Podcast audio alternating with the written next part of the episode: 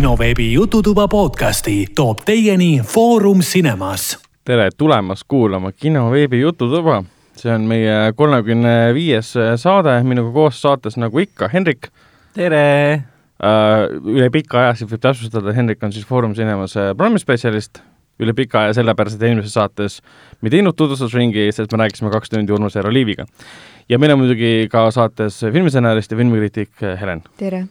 ja mina olen siis äh, kinoveebi peatoimetaja tere, kinoveebi peatoimetaja! tere uh,! jah, loodame, et, loodame, et äh, eelmisest saatest jäid teile kõigile head muljed, sest äh, minule küll väga meeldis kaks tundi Urmas Eeroga juttu rääkida uh,. selles mõttes, et selliseid asju võiks veelgi teha mm, -hmm, et lihtsalt väga vabalt Kindlasti. rääkida.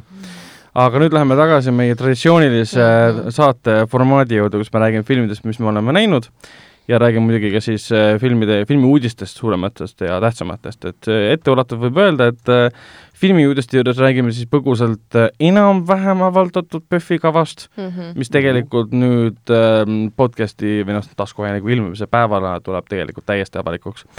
Ja siis räägime filmidest nagu Zombieland, kuna eelmisel nädalal sellest me ei rääkinud, Zombieland kaks tähendab siis topeltlaks ja siis me räägime uuest Terminaatorist, siis me räägime Doktor Unes ka mm. ja paljudest teistest filmidest.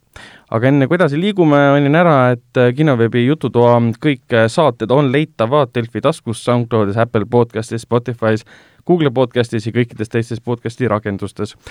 endiselt võite meile kirjutada, joonistada, laulda, tantsida aadressil jututuba.kinoveeb.ee aga selle noodi pealt äh, lähmegi edasi kohe siis äh, filmide ja seriaalide juurde, mis me oleme vahepeal kodus vaadanud ja nii nagu traditsioon, nagu vana traditsioon ette näeb, alustame Helenist. tere! Um, äh, minu äh, vaatamisspekter ei ole just eriti suurepärane ega laiahaardeline sel korral, aga võib-olla selline kõige ilmekam, mis ma vaatasin ähm, Netflixist Ah, selline sari nagu Pose, Pose. Mm,, tuli teine hooaeg nüüd. kas see on nüüd see Ryan Murphy järjekordne seriaal või? issand, ära küsi enam, mul nimedega läheb järjest hullemaks see ma pean kontrollima, aga minu arust see jooksis vahepeal FX-i peal, kus kõik Ryan Murphy need American Horror Story asjad jooksid. Ja siis ta vahepeal hakkas Pose'i tegema, mis sai vist Gold Globusele väga palju äh, kõrgeid hinnanguid, äh, võite ja nii edasi, ja siis ta jõudis otsaga lõpuks äh, Netflixi ka et ei, see vist ei ole ei see, sest see on või? originaalis ongi Netflixi oma, see noh, mina ei mäleta. ei, see on ikka Ryan Murphy oma. aga see mujal küll jooksnud ei ole, et selles suhtes, et esimene hooaeg kindlasti oli ka Netflixis. praegu ma vaatan jah, Ryan Murphy ja Brad Falchuk ehk siis samad tüübid, kes tegid selle American Horror Story kõik okay. need kaheksakümmend viis hooaega äh.... aga oot-oot-oot, see jooksis FX-i Networkis. aa, ja siis tuli Netflixi? ja siin on vähemalt niimoodi kirjas, et reliis oli ta esmakordselt kaks tuhat kaheksateist juuni ja FX-i pealt.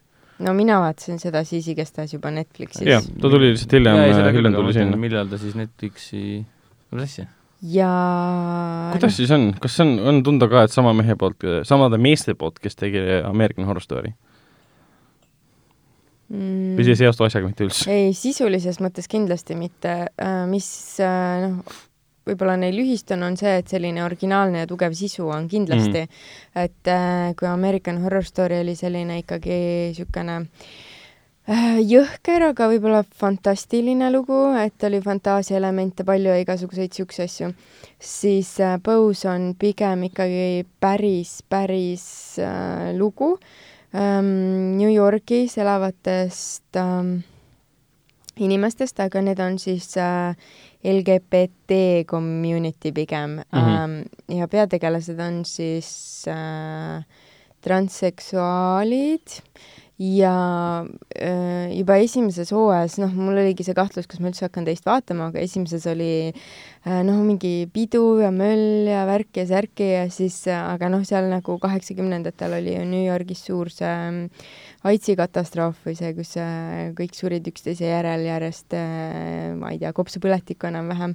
aga lihtsalt oli see, et see oli mingi HIV ja AIDSist põhjustatud siis äh, need tüsistused mm. -hmm. ja teine hooaeg siis läheb selle teemaga järjest julmemaks ja, ja, ja siis noh, ikkagi veel masendavamaks, et ta väga julgelt muidugi rääkis sellest, et äh, geimehed seal äh, Äh, no seal oli nagu suur kommuun, eks ole, palju geimehi, aga transseksuaale mõlemat, et äh, ja kuidas siis äh, põhimõtteliselt vist algaski teine hooaeg sellega, et äh, seal mingid peategelased on matustel ja siis mingi aa, mul on mingi kahesaja neljakümnes matus juba, mitmes sul on? aa, mul on mingi Mm. kakssada kolmkümmend kolm, on ju, või midagi siukest. et äh, ta nagu väga julmalt võtab selle, selle haiguse, haiguse ette ja portreteerib seda ja siis no terve sarja aeg, terve see hooaeg oli see, et no kes ära sureb, no kes see järgmine on. ja kes nüüd saab haiguse ja siis üks, siis nad käisid seal kontrollimas kogu aeg, et ähm, et kas sa oled positiivne või mitte, on ju, HIV suhtes. ja siis kogu aeg oli see nii nagu, see pinge oligi just see psühholoogiline, et, et ei olnud selline, et, et kes kellele mingi molli sõidab või, või mis action'it saab. aga just see oligi see, et, et kas, kas sul nendel meestel siis eh, need tulemused olid negatiivsed või, või positiivsed. ja siis teine asi oli see, kuidas need trans, ma ei teagi, kumba pidi nad olid, mehed igastahes, kes eh, tegid ennast naisteks. et eh, põhiteema siis nagu oligi see, et kuidas ka neid eh, aktsepteeritakse või ei aktsepteerita. ja, ja väga selline mm, kordaminev lugu, et eh, mulle hullult meeldib eh, India moor, kes mängib Angelit seal mm. -hmm. ja siis eh, no ta näeb nagu väga-väga sada protsenti niisugune tumedanähaline naine välja, aga siis ma vaatasin netist, et ta tegelikult identifitseerib ennast kui nemad ehk they onju Mm -hmm. ja siis ident- äh,, äh, issand jumal, kuidas hullult keeruliselt oli öeldud selle kohta, et, et ta on äh, mittesooline vist või äh,, või kuidagi niimoodi hästi keeruline, et ta tegelikult on jah, sündinud mehena, aga, aga, aga siis äh, näeb välja nagu naine. Mm -hmm. ja seriaalis ta mängib siis Naist. okei jaa. ja tema oli see, kes Peter Evansiga esimeses hooajas seal äh, tegid asju Peter Evans mängib ka ja American Horror Poses Stories. aa, ja See- Pose'i esimeses hooajas mängis ka, jah. aa, Peter Evans või? jaa. Evan Peters? no vahet pole, vaata. mõtlesin, et who is Oota., who is that uh, Jah. charming Who's uh, actor boy? Peter Evans? oota, Evan Peters, ja ma mõtlen sama inimest praegu, ja, ja, ja, ja, see, see Quicksilver. ja, ja, ja. ei Kõik teavad Quicksilveri. ole Quicksilver. et sa soovitad ikkagi kõigil, kes vähegi asjasse, see on päris hea nagu vaadata, et äh, miks, miks äh, kasutada kondoomi või nii. Et äh, see nagu ikka paneb väga-väga julmalt paika selle, selle kõik muu, mis selle haigusega HIV ja AIDS-iga kaasas käib. ja, ja päris, päris jube oli kohati.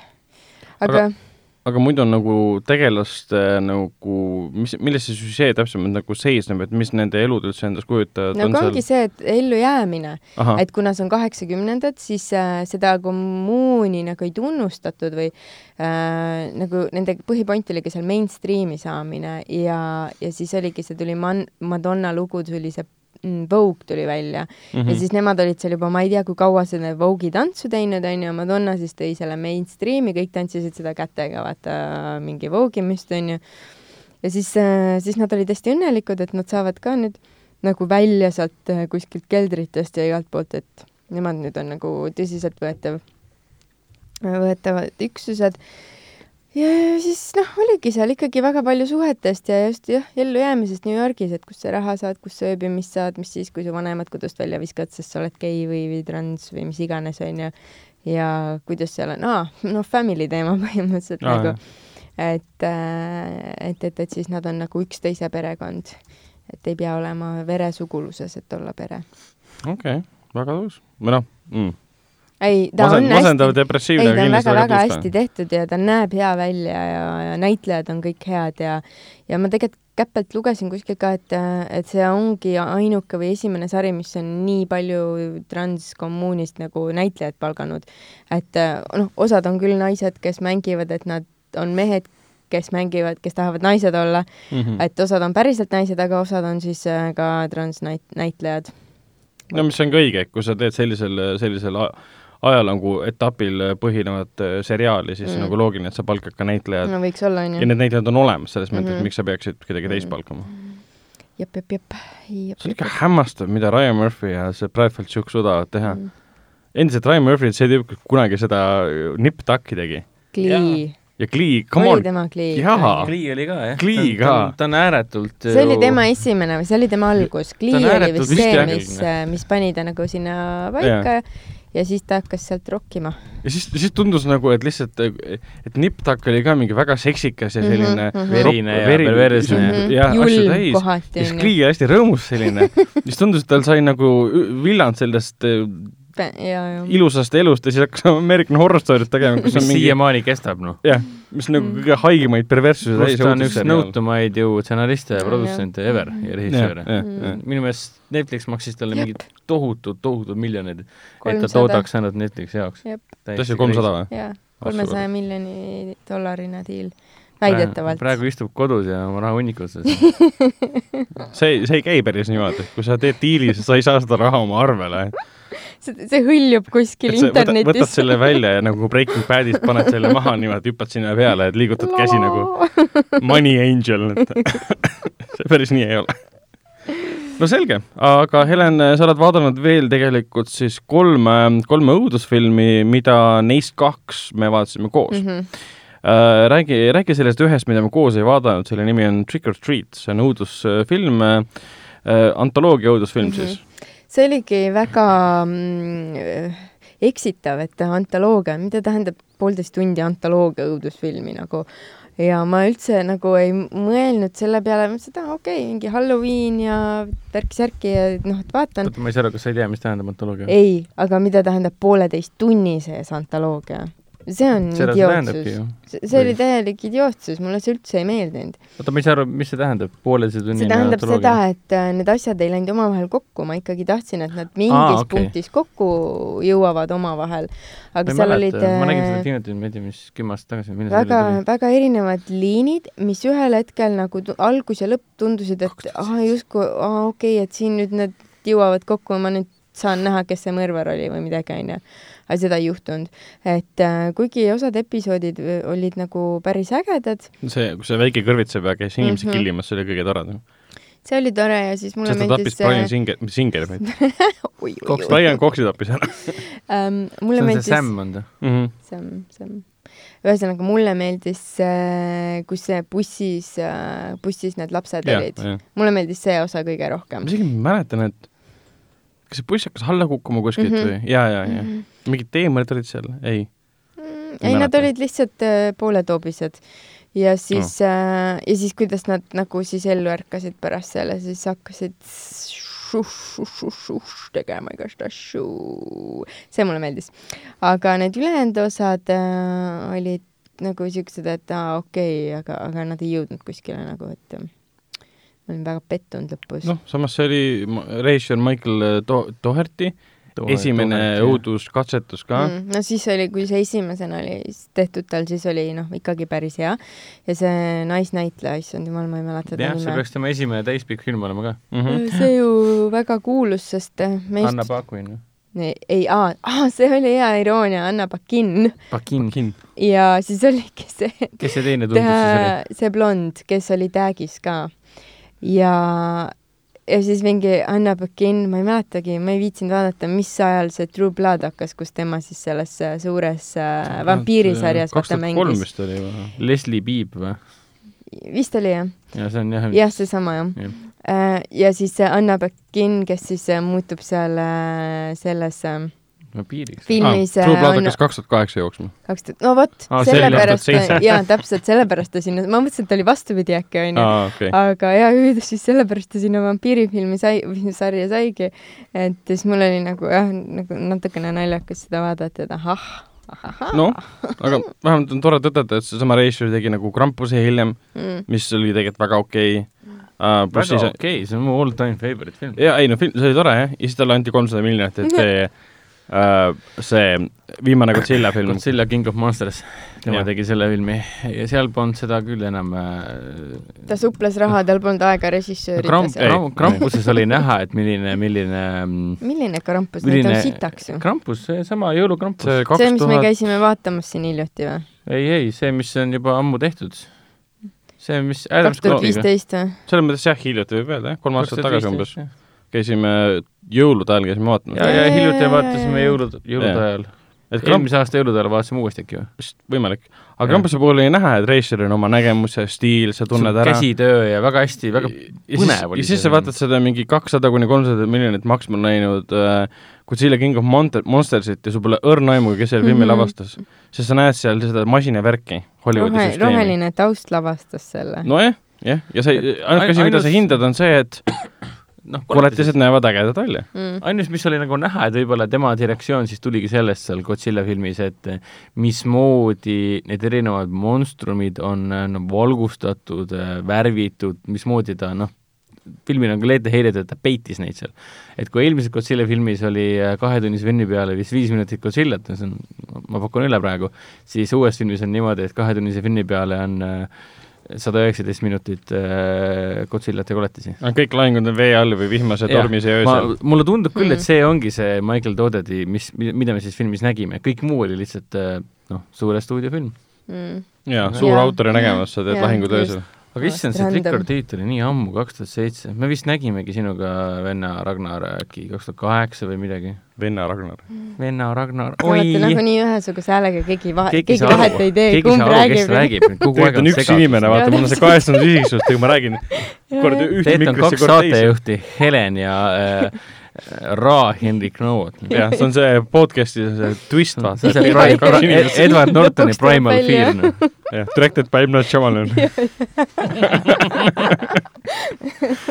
oi-oi. Aga edasi. selge uh,, see, see, koos me vaatasime sellist filmi nagu Noroi the Curse, mis on siis uh, Jaapani, Jaapani õudusmokumentari aastast kaks tuhat viis. Mokumentari tähendab siis seda, et see on lavastatud niimoodi, et on nagu kokku pandud olemasolevatest videomaterjalidest, mis nagu päris.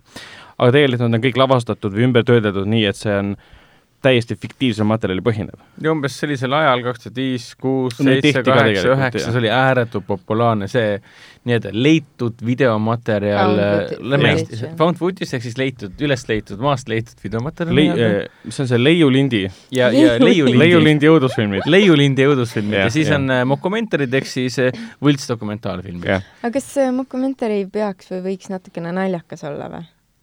sõltub, kuidas, jah, Neid on noh, selles mõttes see sellisel kujul. äh, Taika Waititi äh, Aa, jaa, äh, What jaa. Shadows oli ka see oli mokumentari. ideaalne muidugi. jah, see oli väga ja naljakas. õigus, jah, see oli mokumentari. ei, mokumentarid on sellepärast ma mõtlesingi, et moku-, kui me hakkasime seda vaatama, et mokumentari stiilis mm,, okei okay,, äkki on naljakas vähemalt on ju ka, et Mm. on nagu idiootne. sa Aga loodad, tegelikult- et Jaapani õudusfilm on naljakas? ma ei tea, ma ei tea, mis ma mõtlesin sellel hetkel, aga ühesõnaga ühel hetkel mul ikka viskas see väga kopa ette, ma ei tea, kui pikk ta oli, aga tundus nagu miljon lihtsalt. Kahe tunni, aga- sada viisteist minutit. point räägime selle filmi pointi kähku ära. põhimõtteliselt seal on üks, üks kummituste uurija, kes uurib igasuguseid kahtlaseid sündmusi, mida inim-, millest inimesed teatavad. ja ta satub siis selliste sündmuste jada peale, mis lõpeb sellega, et ta kaob ära, see on, sellega film algab. ja siis me näeme, mis viis selline välja. Ehk siis see koosneb kõik niimoodi, et kaameramees käib selle uurijaga koos, filmivad erinevaid inimesi, intervjuusid, siis me näeme videomaterjali nagu Jaapani telesaadetest, aga kuna see on ilmeeksimatult Jaapani film, siis neil on äh, hoopis teine arusaam narratiivist ja Mm. jutustusviis ka.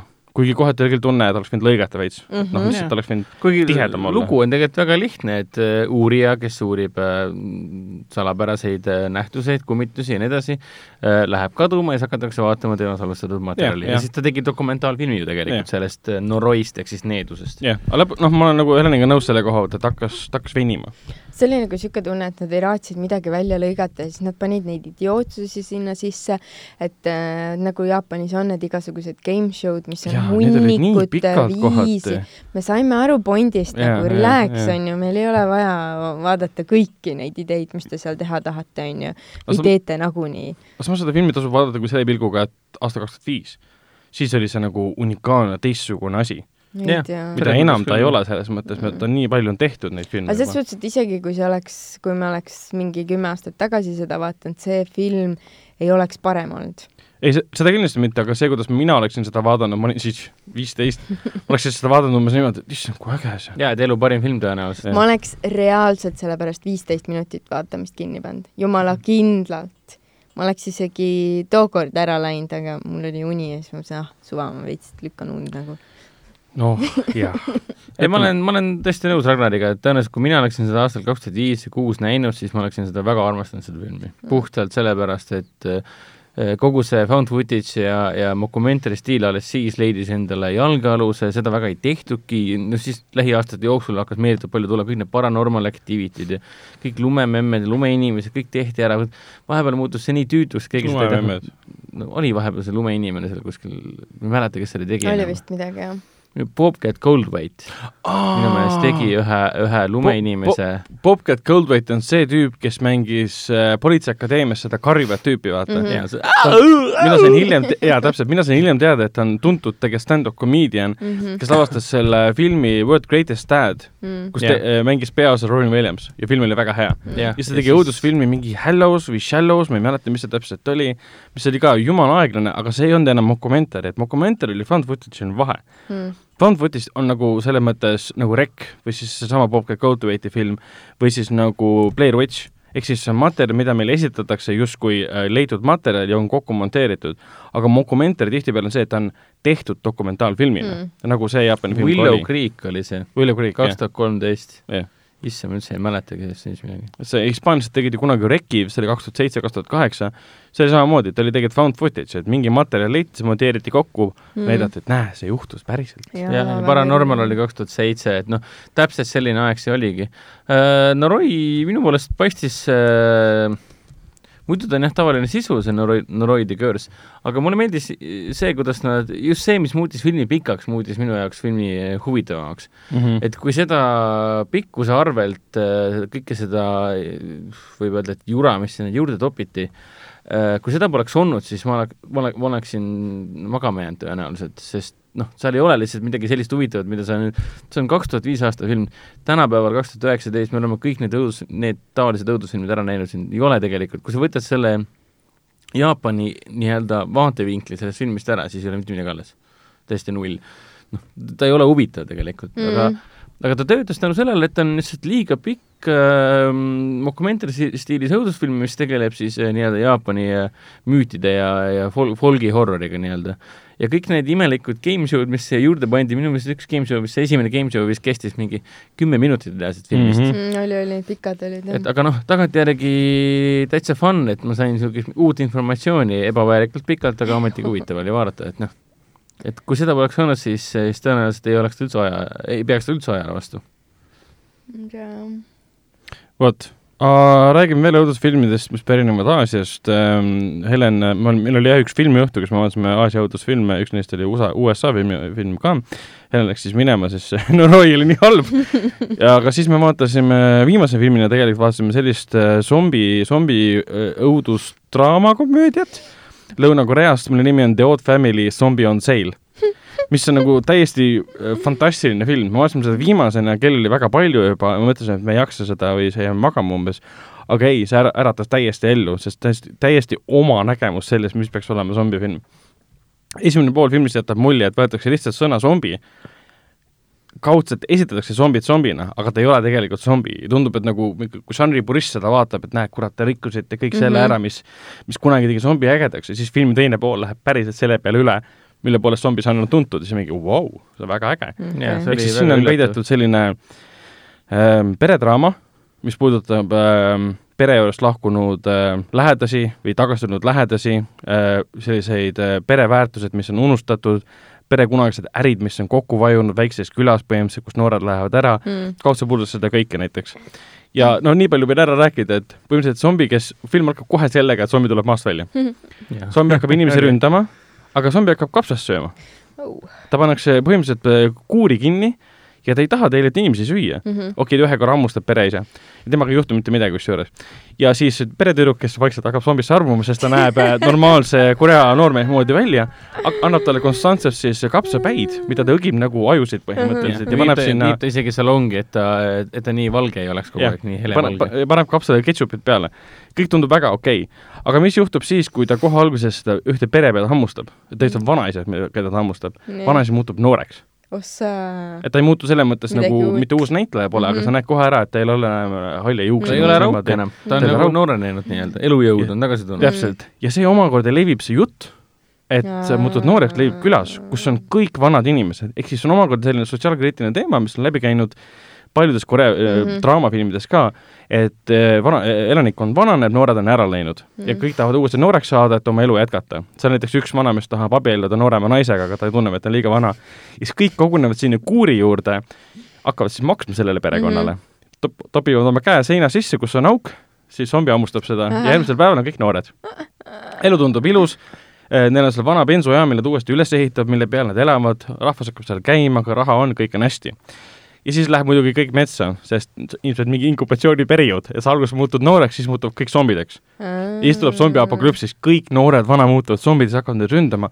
ja siis on see päris selline Zack Snyderi mingi Dawn of the Dead'i või paljude teiste zombifilmide, Romero zombifilmide stiilis nägemus sellest, et kõik põleb ja zombid jooksevad mm -hmm. karga, kõik põgenevad aga seal on nagu kavalaid kohti täis, et tüübid tahavad põgeneda zombide eest, aga peavad nendest läbi minema. kuidas me lähme? Nad panevad hästi-hästi-hästi-hästi paksud riided endale peale mm. -hmm. et kui zombi avustab, siis ta lihtsalt ei avusta läbi no,. Okay. mis on nagu tore. ma räägin, spoilerdan muidugi filmi. ja, ja see ongi see, et lõpus tundub, et see põhizombi, äh, kes nii-öelda hea zombi, kes sööb kapsaid yeah., tema puhul on see, et tema ei muutu selleks äh, ajuvabaks äh, inimese tapjaks, kui teised selleks muutuvad, need, kes ei olnud enne zombid. tema siis vastupidi armub samamoodi alles hiljem siis tüdrukusse ja ta jääb ellu, siis ta lõpus saavad uuesti kokku ja nii edasi. aga point on selles, et kui kõik muutuvad zombideks, nad põgenevad ära ja nad avastavad, et seesama vanaisa, kes alguses, keda hammustati, tema ei muutunud kunagi zombiks, ta läks kohe filmi alguses ähm, vist oli Hawaii'le puhkusele. tuli tagasi, kõik oli ära hävinud, mis juhtus, et ma olen noor ja, ja, ja käisin puhkusel. sa avastad, aa, sa oled immuunne, sa oled nagu patient zero või mitte patient zero tähendab tegelikult seda, et sealt sündis haigus, ta on siis null, jah, umbes nii ja seda avastavad, aa, nüüd me teeme vastupidi, kui enne me muutsime inimesed nooreks, kes mm -hmm. muutusid zombideks, nüüd tuleb see vanaisa, kes on noor, hakkab hammustama zombisid. ja, ja filmi lõpus ongi see, et nad sõidavad läbi mingi Lõuna-Korea üks suurima linna, mingi Seulist umbes mm., kus zombid aetakse järjekorda, kes tulevad nende rekka juurde või auto juurde, selline mm -hmm. vagunelamu panevad oma käe sinna sisse ja vanaisa mingi vaatab seda mädanat kätt, -hmm. hammustab seda ja ko koheselt muutub siis, zombi muutub nooreks inimesest tagasi ja see on täiesti jabur nägemus sellest asjast, aga kuna seal on need eh, teemad, on niisugused tõsised eh, peredraamad ja kõik sellised teemad, tegelastevaheline karakterid, eh, loogika on väga lahedalt kokku pandud mm, -hmm. kes on kes, pluss zombimaailmaga tehakse nii-öelda lahedaid asju vahelduseks, siis see oli nagu umbes niimoodi, et kell neli lõpeb umbes, aa, vaataks veel midagi, sest sa tunned, kuidas sa nagu mm. energia, energia läks täielik. jah, absoluutselt okay.. väga huvitav ah,. ühte USA filmi vaatasime ka, milleks on siis täiesti uus õudusfilm Girl on the third floor mm, -hmm. mille tegi võib-olla eriliseks see, võib-olla mitte minu jaoks, ma tagantjärgi sain teada, filmi peaosas on selline inimene nagu CM Punk. Philip, Philip äh, Jack Brooks, kes on siis äh, USA mixed martial artist, comic book writer ja professional wrestler ka veel no soo, sellepärast, sellepärast ta nägigi kuidagi nii spetsiifiline välja. kuidagi tätoveeritud, ma ei tea, kas nad päriselus ongi sellised tätoveeringud või uh,? Seda ma ei tea aga ta nägi küll umbes nii välja, et ta on eluaeg jalaga näkku saanud uh,. film ise põhimõtteliselt on selles, kuidas uh, üks noorpaar ostavad siis uh, uue maja endale kuskil suburbias ja hakkavad seda siis remontima uh,. naine sinna ei tule, sest tema on oma töö juures oma vanas elukohas ja on rase, ootab last, mees lubab, et ma tegelen kõigega mm. -hmm. mehel on mingisugune sünge minevik põhimõtteliselt, ta on sellest üle saanud ja lubab, et ta on nüüd parem. ja hakkab siis maja remontima. muidugi see tähendab seda, et maja kummitab. Seal on mingid olevused liiguvad ringi ja hakkavad selle mehe ajudega mängima siis. seda ma ei taha väga spoilerdada, sest see on väga okei okay film tegelikult.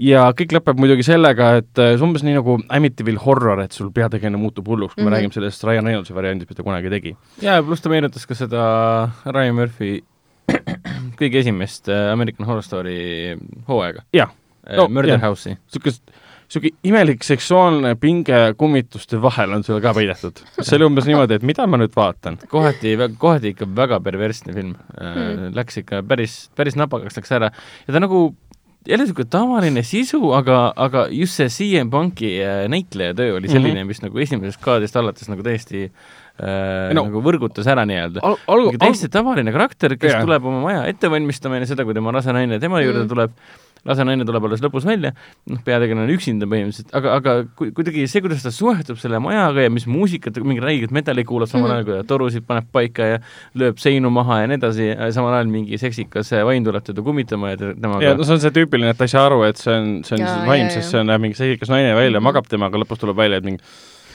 he, she was dead all along. mingi mädane laip hoopis, et nagu, aga, aga kuna seal on nii palju lahedat twiste, et no ühe ma võin ära rääkida näiteks, et see kummitusmaja on kunagine litsimaja. kõik, Jah. kes seal kummitavad, on tegelikult siis prostituudid ja kõik, mis nendega nagu juhtunud. Mhm. aga ta on selline, ta ei ole nagu väga tõsine, tõsine film, ta on kohati selline komöödia hõnguga ja selline, issand, kui vastik asi, mida ma praegu vaatan. Mhm. selle koha pealt, et seal enne kui me teadsime, et see maja on nagu endine litsumaja, mida räägib preester põhimõtteliselt, kes tuleb üle tee külla, naine, oleks võinud kohe välja öelda, et ta teadis kogu selle aja, et siin kummitab, midagi ei rääkinud.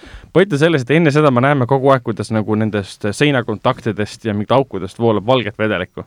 ja siis mõne, mõne aja, mõne aja pärast saame teada, et see on siis litsumaja, ma mingi aa, see muidu, kui kum-, õudusfilmis Kummitusmajas midagi kuskilt voolab, siis see on Mhm. nagu kurjus umbes niimoodi. mingi- siin oli valge, ma mõtlesin, miks ta valge on. pisarad või midagi. ja täpselt, me mõtlesime, miks ta valge on, miks, miks see niisugune kleepub, siis mingi, see on litsumaja. Ju, see muudab asja palju rõvedamaks. aga hästi tore ja fun film, soovitan kindlasti üles leida ja ära vaadata. millest me veel räägime äh,? Kas Hendrik, sa tahad mulle rääkida sellest, et sa oled vaadanud äh, näiteks Brooklyn Nine-Nine'i viiendat hooaega? kas sa vaatasid selle nüüd lõpuni, see, mis Netflixis ei, ma veel, mul on üheteistkümne, üheteistkümnenda episoodi juures, et ma avastasin, et ma olen viiendast hooajast ikka paar esimest episoodi ära vaadanud, et ma nüüd siis kuna, kuna kuues hakkas nüüd see aasta alguses, selle aasta alguses jooksma, Netflixis kuuendat veel ei ole, jaanuaris alustades, mais sai läbi. jah, et seitsmes on ka tulekul, kuna mulle see seriaal nagu väga meeldis, on alati väga-väga meeldinud, siis ma hakkasin viiendat uuesti vaatama, et ma võin vanduda, et ma olen neid episoode näinud, aga ausalt öeldes selle sarjaga on umbes sama teema nagu selle Parks and Recreationiga, et naljad ja need tegelased, kes neid nalju teevad, on lihtsalt niivõrd nagu toredad ja säravad, et lihtsalt vaatad, jäädki vaatama seda episoodi uuesti. on jah, see on nii raske. see on, see on nagu ja sa samas nagu mõistad, et kuradi aja raiskamine, ma olen ju näinud seda episoodi. see Charles Boyle tuleb oma mingi kalkuni kostüümis kaabu, kaabu, ma olen ju näinud seda. ja siis ta jääb siin lifti külge, külge, külge kinni mingi, okei okay,, ma vaatan lõpuni, see on fun. Et äh, siin viimases episoodis, ma ei tea, kas spoilerdada võib või? mina olen näinud viiendat mina hooaega. olen ka näinud. aa, seal äh, kõikide kuulajate suhtes ma ei tea. on nii üllatav, kui, kui äh, kui üks tegelane avaldas enda, enda kohta ühe saladuse, üks Tough as Nail tegelane mm. -hmm. kõva, kõva, kõva kui nael äh, tegelane avaldas enda kohta saladuse mm. -hmm. mida, mis minu jaoks spoilerdati vist kuskil Facebooki feed'is olevat Oi. äh, uudistekanalite kaudu juba ammu ära, aga mul tuli seda episoodi vaadates meelde mingi, aa, ma vist tean seda juba. Äh, see oli iseenesest tore, väga klassikaline viis, kuidas seda kõike teha, aga samas selle tegelase suhtes noh, mõni ime ka, ütleme nii. Te kirjutate sellepärast sisse, et näitleja ise tundis, et kuna ta, tema on, siis paneme näit- Aa, näitlen rollile ka, jah?. jah, aa, no siis on loogiline, jah, siis äh, make sense. ja ma saan aru, et selle Gina Peralta äh, näitlejanna, kas ta jäi ise ka päriselt rasedaks või? Äh, seda ma miks ta, miks ta, tea. miks ta nagu sarjast üldse välja kirjutatud üldse on? ma ei tea et kusjuures. siin üheteistkümnendas osas viiendast ta tuli korraks vot siin oli see, see asi, et see küberkeskus, küberkeskus mm Mhm. -hmm. kolis neile sinna alla korrusele ja võttis interneti ära ja siis läksid Hiinat äh, appi paluma. ja siis ta ütles, et ta tuleb tagasi tööle. ma nüüd ei tea, kas ta kaheteistkümnendas osa, osas Mm. on siis ametlikult tööl või? Vist no., jaa, ta täpselt, viiendas hooajas ta on veel tööl ja kuuendas nüüd ta kaob ära selles mõttes. Ma ei ole- ma ei ta ole- on jah, muutub reoccurring. ma ei ole nagu lugenud seda taustainfot, et mis põhjusel ta et talle ei tegelasele kirjutati see juurde, et ta on, et ta jäi rasedaks ja sünnitas lapse vahepeal mm -hmm. ja Mhm. nüüd ta kasvatab last. mulle nii meeldib, kuidas see Amy ja Gina omavahel nagu täiega teevad seda mingit võigast vastikut huumorit mm. Mm., kui nad läksid sellele Ginale külla, et kuule, tule ikka, tuleme ikka meile appi. Ja siis see Amy küsib, et eh, noh, kus siis, kus siis beebi on ja siis Gina mingi keep it down, mingi ja, ja. hoia vaiksemalt, ära karju nii kõvasti, mingi, ja see Amy mingi, aga ma saan aru, et ma räägin sinuga täpselt samal äh,, hästi rahulikult räägib, ma saan aru, et ma räägin sinuga täpselt samal tasemel ja siis Hiina mingi oh my god, Amy, mida sa lõugad, ole vait. ja ise, ise hakkab järjest kõvemini täpselt, rääkima. siis lõpus ta karjub mingi shut up, Amy, Amy mingi, oot, mis toimub mingisugune napakas huumor on sees kogu aeg nende tegelaste vahel ja no mina ei tea, see Jake on ka nii alles eile ma avastasin, et ikka on päris stiilsed riides, et peaks On jah? Jah. mingi teksad ja särk nagu. väga stiilne. ei, ei, ma mõtlen see, kui ta nagu jope seljas on, ta on nagu kapuus ja siis on see mingi uhke, uhke jakk on seljas see. pole stiilne, sa See on kannad nahkjakke ja ja paned kapuutsi selja see ongi stiilne, seda ma räägingi praegu. ei noh, okei, okei. Minu jaoks on siis stiilne, ei noh mismoodi ta välja, näeb. tema, minu arust Jake Peralta stiilsus väljendus väga hästi siis, kui tal on vaja mingi undercover olid, jaa, kus ta pidi mingid kostüümid selga panema. vot see oli vapustav minu arust alati. noh, et alati jah, võib proovida teisi värve kanda ka kui must ja ongi kohe olemas, vaata. Me elame Eestis, see ikkagi must ja vaadake mind, mul on valged püksid jalas. sul on valged püksid ja on, lilla, on küll jah, on küll jah. mis iganes asi sul seljas on, ma ei tea, materjal see on. selle kohta öeldakse track, track suit või midagi. tracksuit. jube stiilne, noh. oi-oi. nojah, meil, meil Hendrikuga on kõik musta värvi ja hall, ühesõnaga, nagu ilm praegu õues. jah. me vastame, riietume vastavalt äh, rii-. või nagu äh, vanad klassikud on öelnud, et äh, must, must, on Eesti kohal must taevas. on Eesti kohal taevas. kuidas edasi läks?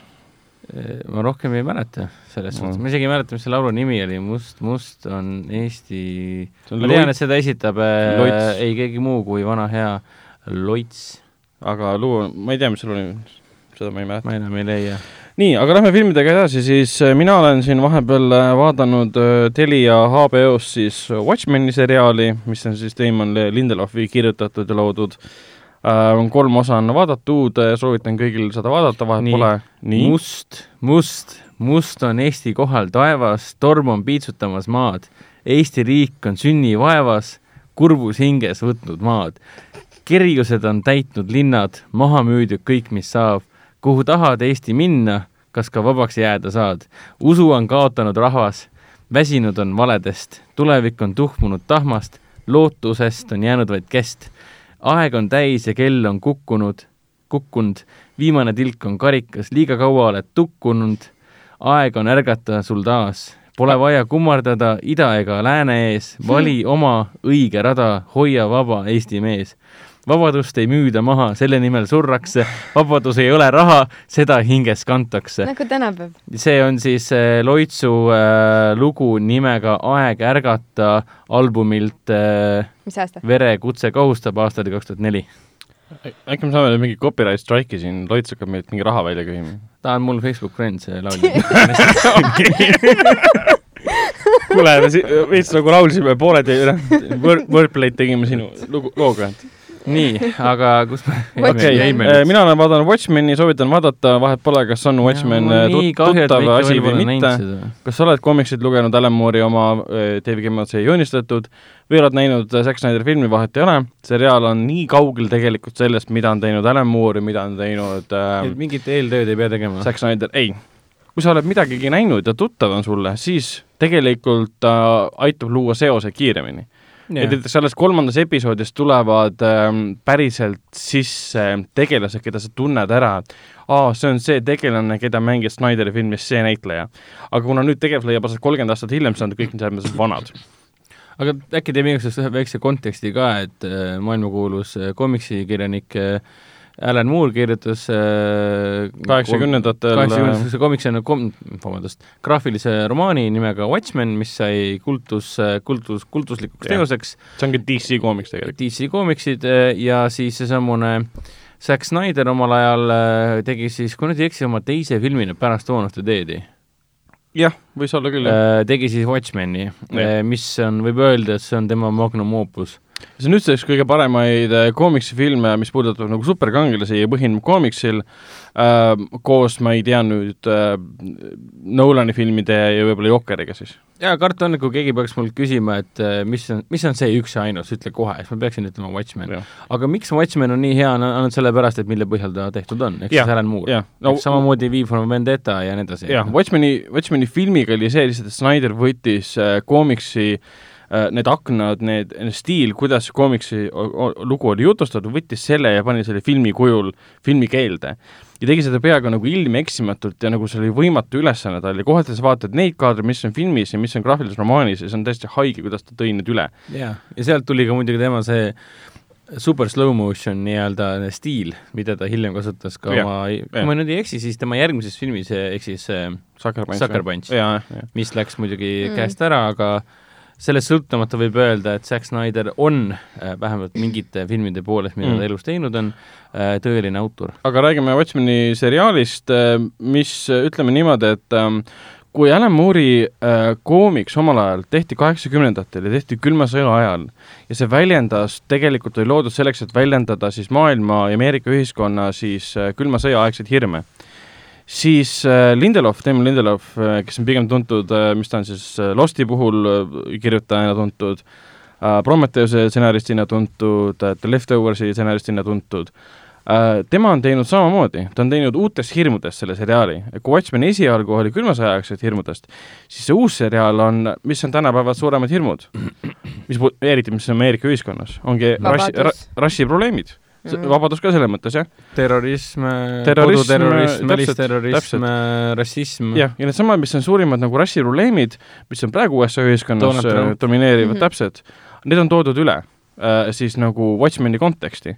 et nüüd need äh, hirmud ja eesmärgid, mille nimel võideldakse ja kelle vastu võideldakse, on hoopis midagi muud et kui arvestada seda, et noh, esimene episood algab selle mm, Talsa massimõrvaga kahekümnendatel siis Talsas äh, tapeti Tuul, sadu, sadu mustanahalisi äriomanikke ainult sellepärast, et linn puhastada ja nii edasi, et see on uuesti sisse toodud, Ameerika ühiskonnas on tehtud nagu siis äh, aktid, mis lubavad reparatsioone anda lähedastele ja see omakorda tekitab sellise rühmituse nagu Seventh Cal-, Cal-, Calvary, kes põhimõtteliselt on, vihkab kõike seda, et issand jumal, me ei ole, me, me ei ole mustanahalised midagi võlgu, et hakkavad neid tapma, hakkavad mustanahalisi politseinikke tapma, seal on niisugune sündmus nagu White Night, kus mingi kolm-neli aastat tagasi põhimõtteliselt tuvastati ära, kus elavad kõik politseinikud, tehti üleriigiline, üle tal-, üle tal-, Talsa osariigiline rünnak.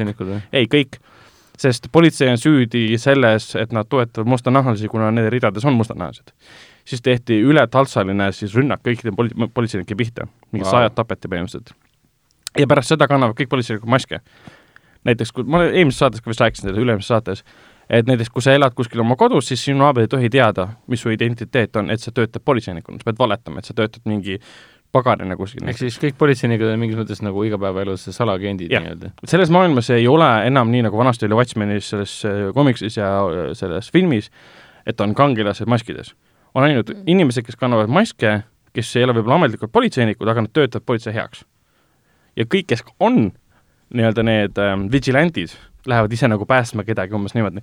Need püütakse kinni äh, anti-superhero Task Force'i poolt mida juhib endine superkangelane. kes? tuntud äh,? Silk Spectre. aa, Silk Spectre ise või? kes on nüüd võtnud perekonnanime Blake, sest ta on tegelikult komediani ja vana Silk Spectre tütar ju see tuli ju filmis alles hiljem välja. see tuli filmis välja ja et ja, äh, ja, ja kõige lahedam see, et kolmandas episoodis on see, et äh, seal on pangarööv ilmub välja musta riietatud kangelane, kes räägib sügava tämbriga. ta näeb välja nagu Batman ja räägib nagu Christian Bale'i Batman. ta hakkab siis äh, päästma olukorda, siis tuleb välja, et kõik need röövijad on tegelikult Task Force'i liikmed, kes tegid mm. talle set-up'i lõksu, püüavad ta kinni ja põhimõtteliselt lasid maha ka. Äh, ja siis põhimõtteliselt, miks te seda tegite, jah, sest Need ei ole superkangelased, nad on tüübid, kes lihtsalt otsustavad, et seadus ei ole minu jaoks mm. tähtis ja lähevad ründama. Nad lihtsalt julmalt lasevad maha igasuguse inimese, kes tahab olla vigilanti või? jah jah, okei okay, wow., ta haavati põhimõtteliselt, viidi pärast haiglasse. ah, näh, sa ütlesid, et maha lasti. ei no esialgu, vabandust, esialgu jäi mulje, et ta lasti kolm ah, kuuli okay, kerre okay,. Okay. ja seal oli see, et äh, ta lasi kolm kuuli kerre, see naine siis, ja pärast keegi küsis, et kust sa teadsid, et ta ära ei sure. kui, kust sa teadsid, kui paks on tema see äh, kostüüm, see kevlar, mis tal all on. et ta noh, ise endine superkangelane teab väga hästi. ja Silk Spectre ju kunagi käis doktor Manhattaniga, mis on see jumal, kes elab Marsil praegu. kes ta käis kunagi selle, issand, Patrick äh, Night Owl. Night Owl, täpselt, jah ja väga-väga huvitav seriaal, igatpidi. oota, aga päris kõvasti on see eskaleerunud siis see uus, uus maailm, see on post, post-Watchmeni maailm, sest Zack Snyder tegi väga olulise muudatuse Watchmeni filmis võrreldes sellega, noh, lõpulahendus nii-öelda. et kui ja. Watchmeni koomiksis äh, oli tehtud niimoodi, et äh, noh, suur plaan oli äh, nii-öelda New Yorki hävitada aga mismoodi ta hävitas New Yorki, see üks põhipahalane, oli see, et ta tõi kuskil X dimensioonis kohale mingi tohutu suure bioloogilise massi, koletise põhimõtteliselt. jah, ja siis tappis sellega kolm miljonit inimest, aga kogu maailm lõpetas külma sõja põhimõtteliselt koheselt ära, et võidelda ühise vaenlase no see oli selle Watchmeni koomiksi nagu eesmärk, et näed, väline koletis tuleb, lõpetame külma sõja ära, meil on vaja hakata võitlema Zack Snyder muutis siis doktor Manhattani selleks vaenlaseks, kasutati doktor Manhattanile omast jõudu, et tappa kolm miljonit inimest ja siis kogu maailm, aa, see kuradi jumal on süüdi, kes muutus selleks võimsaks tüübiks, et tema on kõigest süüdi, lõpetame külma sõja ära. see oli nagu eesmärk tähistada abinõu, et me tapame kolm miljonit, et päästa terve maailm. et kui muidu oli doktor Manhattan oli külma sõja ajal seal loos siis äh, ameeriklaste kõige suurem relv, aga see oli ka relv, mida nad kartsid, sest ta oli noh, super üliolend jumal, kes teeb, mis tahab ja sa ei saa teda kontrollida mm. ja see, sellega hoiti siis Nõukogude Liitu vaos, aga kui see relv pöördub sinu enda vastu, siis on äh, Nõukogude Liit ja ameeriklased mingi okei okay,, me oleme perses. jaa, aga no seriaal sellega absoluutselt ei tegele. seal on täiesti uued teemad, uued sisuliinid ja kõik see.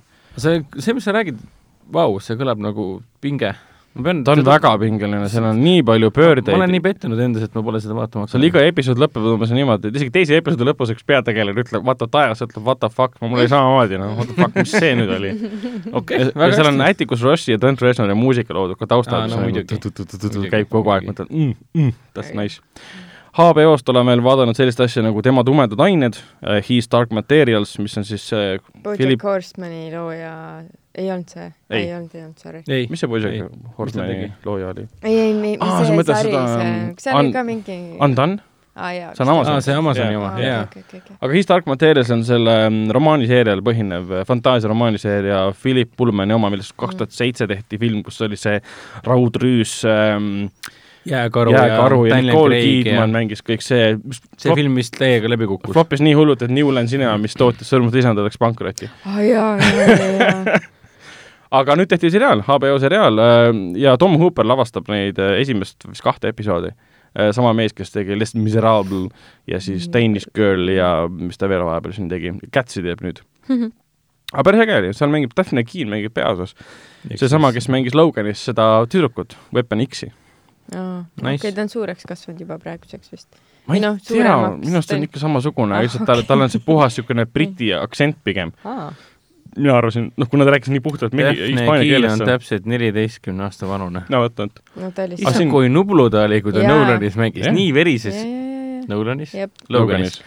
ta on nii verises filmis, õudne lihtsalt. aga His Dark Materials, äh, seal mängib James McAvoy mis on alati tore. joo, ütlen, kui sel-, come on, sa oleks pidanud sellest alustama. aga mis, mis Philip, Philip Pullmani seriaal, pead alustama James McAvoy.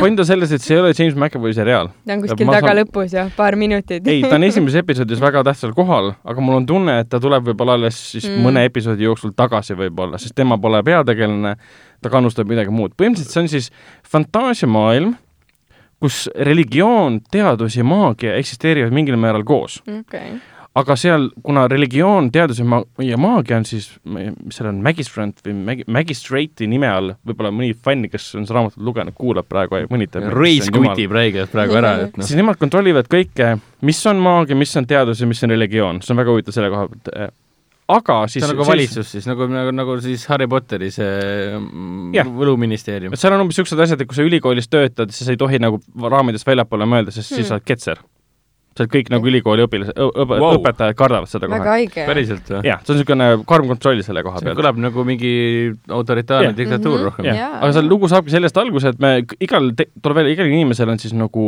ähm, loom, kes räägib. kuskil oli sama asi, aga see oli seal Golden Compassis äkki või? Kõigil, kõik elasid äh, sümbioosis oma, oma selle loomaga ja kõigil oli see oma ihuloom või hingeloom või mis iganes. ongi hingeloom siis või? miks need üldse olemas on? see on selline maailm. seal okay., seal on see, et kui Võta inimene, no. kui inimene sureb, siis tema hing äh, muutub, äh, läheb üle siis ähm, loomakehasse, mida, ja seda kehakujuda saab muuta et ta võib, kui ta on kitsam olukord, ta võib muuta ennast liblikaks näiteks umbes niimoodi, aga ühel hetkel ta valib endale kuju, millesse ta jääb. aga kas Daphne Keeni tegelase hingeloom on siis raudrüüs jääkaru või? ei. ah, näh.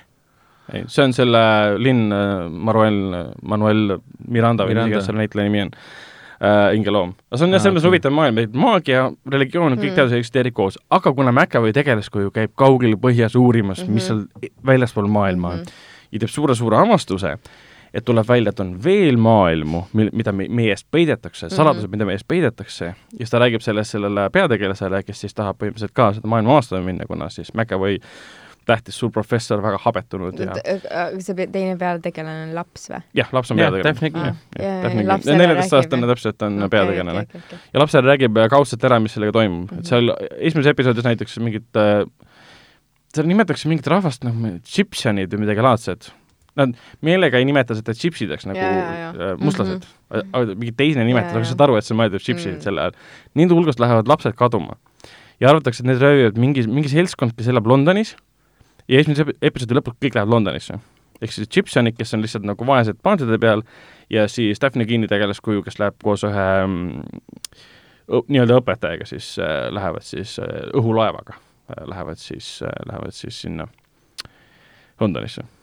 Ja noh, tundub, et suur seiklus on tulemas mm. -hmm. kriitikud ei ole väga nagu sillas olnud sellest, aga öeldakse, et on, parem kui see Golden Compass näiteks see on tõenäoliselt ju, ma olen selle Pullmani asja kohta lugenud, et see on ju eh, seda müüdi maha küll kui noortekirjandust, aga tegelikult Pullman kirjutas seda justkui kõigile mõeldes.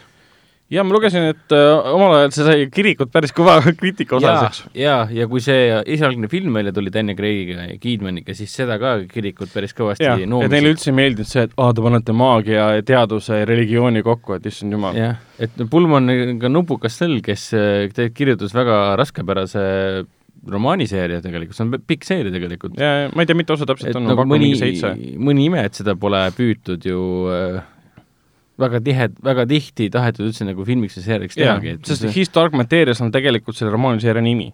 jah, Golden Compass oli selle esimese raamatu, raamatu nimi, mis Jah. siis nagu film Okei. tehti omal ajal. okay. aga nüüd on lihtsalt see, kuna nad äh, võtavad ainestikku kogu seeriast ja selle põhjal on teinud, siis tundub, et see on see on nagu... kolmeosaline triloogia siis. jah, jah. aga see, et loomad räägivad, on hästi tore. hästi see nunnud on ja- see on nagu see- doktor, doktor Doolittle või? veits on küll niisuguse pehme häälega, on lapse hääled põhimõtteliselt ja siis ühel hetkel ma ei saanud aru, et mingi oota, nad muudavad kuju, et, et just oli mingi nirk ja nüüd ta on mingi liblikas, kes räägib, et that's Mhm, weird. aga jah, niisugune Nad on esimesed kaks episoodi lavastas äh, Tom äh, Les Miserables ja Cats Hooper. ma ju- just rääkisin sellest, aga ütlesid või? jah. aa, okei okay.. aga neljanda episoodi lavastas ja üks produtsentidest on Otto Pathurst. tuletan nüüd meelde, Otto Pathurst. Kes on kas Otto, kas, Pathurst. kas see, kas see Pathurst ei ütle teile mitte midagi või? kindlasti ütleb, aga ma ei see mäleta on see mees, kes lavastas niisuguse äh, toreda asja nagu eelmise aasta filmi nimega Robin Hood. Äh, oota, kelle Robin Hood see nüüd oli? see on see Taron Egertoni, Egertoni ja ja- Jamie Foxxi Robin ah Hood, see, mis mul jäi see äh, nägemata. kilisel-, kil-, kilisevad, kolisevad läbi kukkus. Eelmise aasta suurim läbikukkumine. ja, ja ma mäletan ja isegi näed, mina ei suutnud, mind ei suudetud ära osta, et see Taron Egerton, kes on väga äge seal. nüüd ma tean Aga- miks seda, miks seda His Dark Materials seriaali nagu kritiseeritakse. aga samas samas lavastas äh, kohati Otto Pathurst. jaa, aga Otto on tegelikult kõvasti vaeva näinud ka Peaky Blindersi peal ja, ja noh, Criminal Justice'i ja mingi BBC sarjad, et tegelikult on andeka, andeka ja nagu nii tunnustatud režissööriga tegemist. nojah, aga see nagu vabada asjaolu, et nagu Hollywoodi debüüt kukkus äh, läbi ja see oli aga kohutavalt sai mingi rämedalt pappi selle eest ju. ma ei tea, vaata välja see papp käest ära jääb. kahjusid vaja kinni maksta. aga samas on äh, rõõm tõdeda, et nüüd äh, troonide mängu äh, järgses maailmas ja, ja troonide mängu eellugude eelses maailmas saame nautida ka teisi äh, materjale, mis tehakse nüüd siis seriaalideks. ehk Nagu siis äh, He, näiteks? He Stark Materials ongi nagu jah. võib öelda, et äh, troonide mängu aseaine. suur mõttes- fantaasia, ulmeseiklus, ta mida on- sa saad jälgida mitu ta on episoodi jah, järjest. rohkem fanta-, selles mõttes fantaasiaseriaal, kus on sellised rohkem te- tehnoloogilised ulmesed aspektid sees. jah et siin tegelikult on helikopterid ja mingid äh, relvad ja ei no ma saan sellest asjad. aru, aga ütleme nii, et kõik vaatasid seda troonide mängu ja et ühel hetkel lõpuks, mul on hea meel, et see lõpuks nagu läbi sai, et nüüd tahaks nagu midagi muud ka vaadata ja mitte ainult ühte asja, mingit järgmist, ma ei taha mingit järgmist hittseriaali vaadata Mm. nagu kõik vahivad Walking Deadi, kuigi selle ja, ja, vaatav, vaatavus on nii langenud, vaadatavus. aga, aga ma just tahangi, et mul oleks nagu valik asjadest, et noh, mul on Watchmen, nice, see pole nagu Game of Thronesiga eriti seotud, aga noh, His Dark, Dark Material, see on nagu hea asi, millega nüüd äh, oma elu pärast troonide mängu jätkata mm.. et ju õige pea tuleb juba Sõrmuste isanda seriaal ka Amazoni poolt, et noh, pole paha tegelikult. jah, seda küll, jah. ja selline minu jaoks küllaltki obskuurne, aga samas äh, väga põnev materjal ka veel, mille põhjal siis seriaal tehtud. jah, on. hakkasin uuesti vaatama Haunting on Hill House'i, sest see on fantastiline õudusseriaal. kui mitmes kord siis nüüd? jah, täpselt. teine kord. teine või? Aa, ma mõtlesin, et kolmas. ei no ma teist korda tegelikult vaatasin umbes niimoodi, et ma vaatasin mõnda episoodi uuesti, nüüd ma hakkasin nagu päriselt vaatama otsast peale. sulle, sul, sul püksid, sul püksid põlevad. nee, see on jumal Pants on Fire. On endiselt suurepärane, lihtsalt nagu nii vapustavad karakterid, nii hästi lavastatud, välja joonistatud, motiivid, loogika, traagika, kõik see, see on nii muserdav kohati. No mitte, muserdav sellepärast, et ta oleks depressiivne, et ta on hästi tore ja helge, aga siis sa, kui sa oled näinud seda juba, sa tead, mis nendega juhtub, siis on see, aa, ta on nii vastik. Jaa. pluss Ja- ta on, ta on nii veenev, need on, On, nii, nii on. inimlikud teemad, inimlikud karakterid ja ta on nii veenev. jaa. eriti veel nüüd, aga kui ma ei ole ju näinud, et te me ei, me ei spoilida, jaa. eriti veel nüüd, kui selle sarja looja ja stsenaristi Mike Flanagani äh, Doktor Uni tuli nüüd kinodesse Jaa. et noh, enne Doktor Une ja, ja Doktor Une ajal ja ka pärast seda, siis kogu mu elu on põhimõtteliselt üks suur Mike Flanagani õudusfantaasia. noh, jaa, seda küll, jah. no see on vapustav asi tõesti uh,. Halloweeni ajal ma vaatasin miskipärast uuesti The Exorcism of Emily, Emily Rose. sest sest need, The Exorcism of Emily Rose. Emily Rose'i vaimude väljaajamine, see oli mu on no, siis, no, no, äh, noores põlves mu lemmikfilm. mis on siis Scott Derricksoni õudusfilm, sama mees, kes lavastas siis näiteks Doctor Strange'i ja tegi ka õudusfilmi nimega Sinister um, ja vaatasin uuesti, ma praktiliselt jah, pärast esimest korda uuesti vaadanud teda kas ta kordagi. enam töötab üldse või? töötab, ta endiselt väga huvitav, puhtalt sellepärast, et see Jennifer Carpenter on täiesti vapustav seal rollis, ma ei tea, kui vana ta siis oli, aga lihtsalt ta mängis ju selles Dexteris ja nii edasi. Mm. -hmm lihtsalt äge, lihtsalt tema väljendusviis ja lõpus selle filmi nagu mõte on ka tegelikult väga äh, nagu võimas, vahet pole, et ta peatub väga sügavalt nagu religiooni aspektides, aga see mõte on väga võimas, pluss tegelikult ei ole väga palju olnud pärast seda filmi ka ähm, kohtuasju, või tähendab selliseid kohtudraamasid, mis tiirlevad eksortsismi ümber Mm. mm., kurjade vaimude ja teemonite ta ümber oli kahekümne kuue aastane.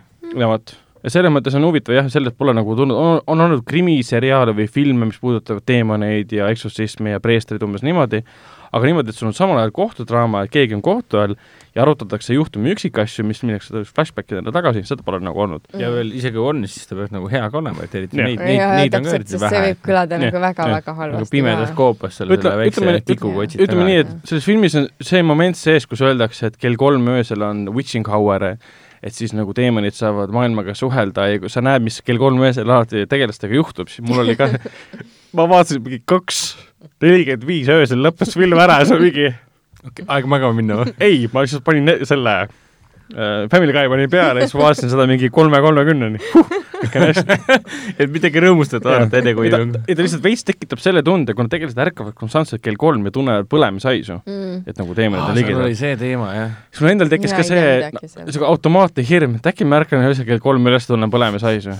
Ja siis ma ei taha minna mingi majast välja, näen, kuidas mingi pildid sulavad minu silme ees ja inimesed vaatavad mulle otsa ja nagu silmad sulavad umbes. see Carpenter, see on tõesti fantastiline, eriti see Ta röögib seal- röögib see seal laudatseen, kus ta Jah. püüdsid vaim-, teemonid välja saada temast., selles mõttes ma pole üheski filmis näinud, et üks, üks äh, äh, nagu teemonist vaevatud inimene röögiks nii palju kui Jennifer Carpenter selles filmis. vaata, kuskil ma küll midagi vaatasin, kui ka keegi ainult räuskas nagu kogu aeg karjus iga asja peale, issand, ma ei mäleta üldse, mis see oli, see oli ka kindlasti mingi naine. ja siis Hmm. mm. ma nagu ei suutnud ära imestada, et kuidas keegi jõuab nii palju lihtsalt karjuda mul tuleb ka midagi nagu mälus hoopis praegu meelde. kogu aeg iga asja peale mingi, mis asi see olla, ma ei mäleta Mingi- isegi, kas see oli värske film või see oli mingi vana, see ei saanud väga vana olla, sest heli, heli võib-olla ei olnud kunagi nii hea, aga aga issakene, ei tule jah meelde praegu. oli eks neid vanu õudusfilme on palju, kus karjutakse, kas või esimene see Texas Chainsaw Massacre, seal on kogu aeg see peategelane röögib. aga ma mäletan nagu, et oli mingi naine, kes kogu aeg jooksis igale poole ja karjus nagu. ja Texas Chainsaw Massacre'i kogu Jah. süžee seisneb, kui sellest Mm. naine jookseb ja karjub. on küll, jah. on küll, ei ole midagi muud lihtsalt. ma olin, ma ma olin omal ajal väga üllatunud, et selline, selline film ongi.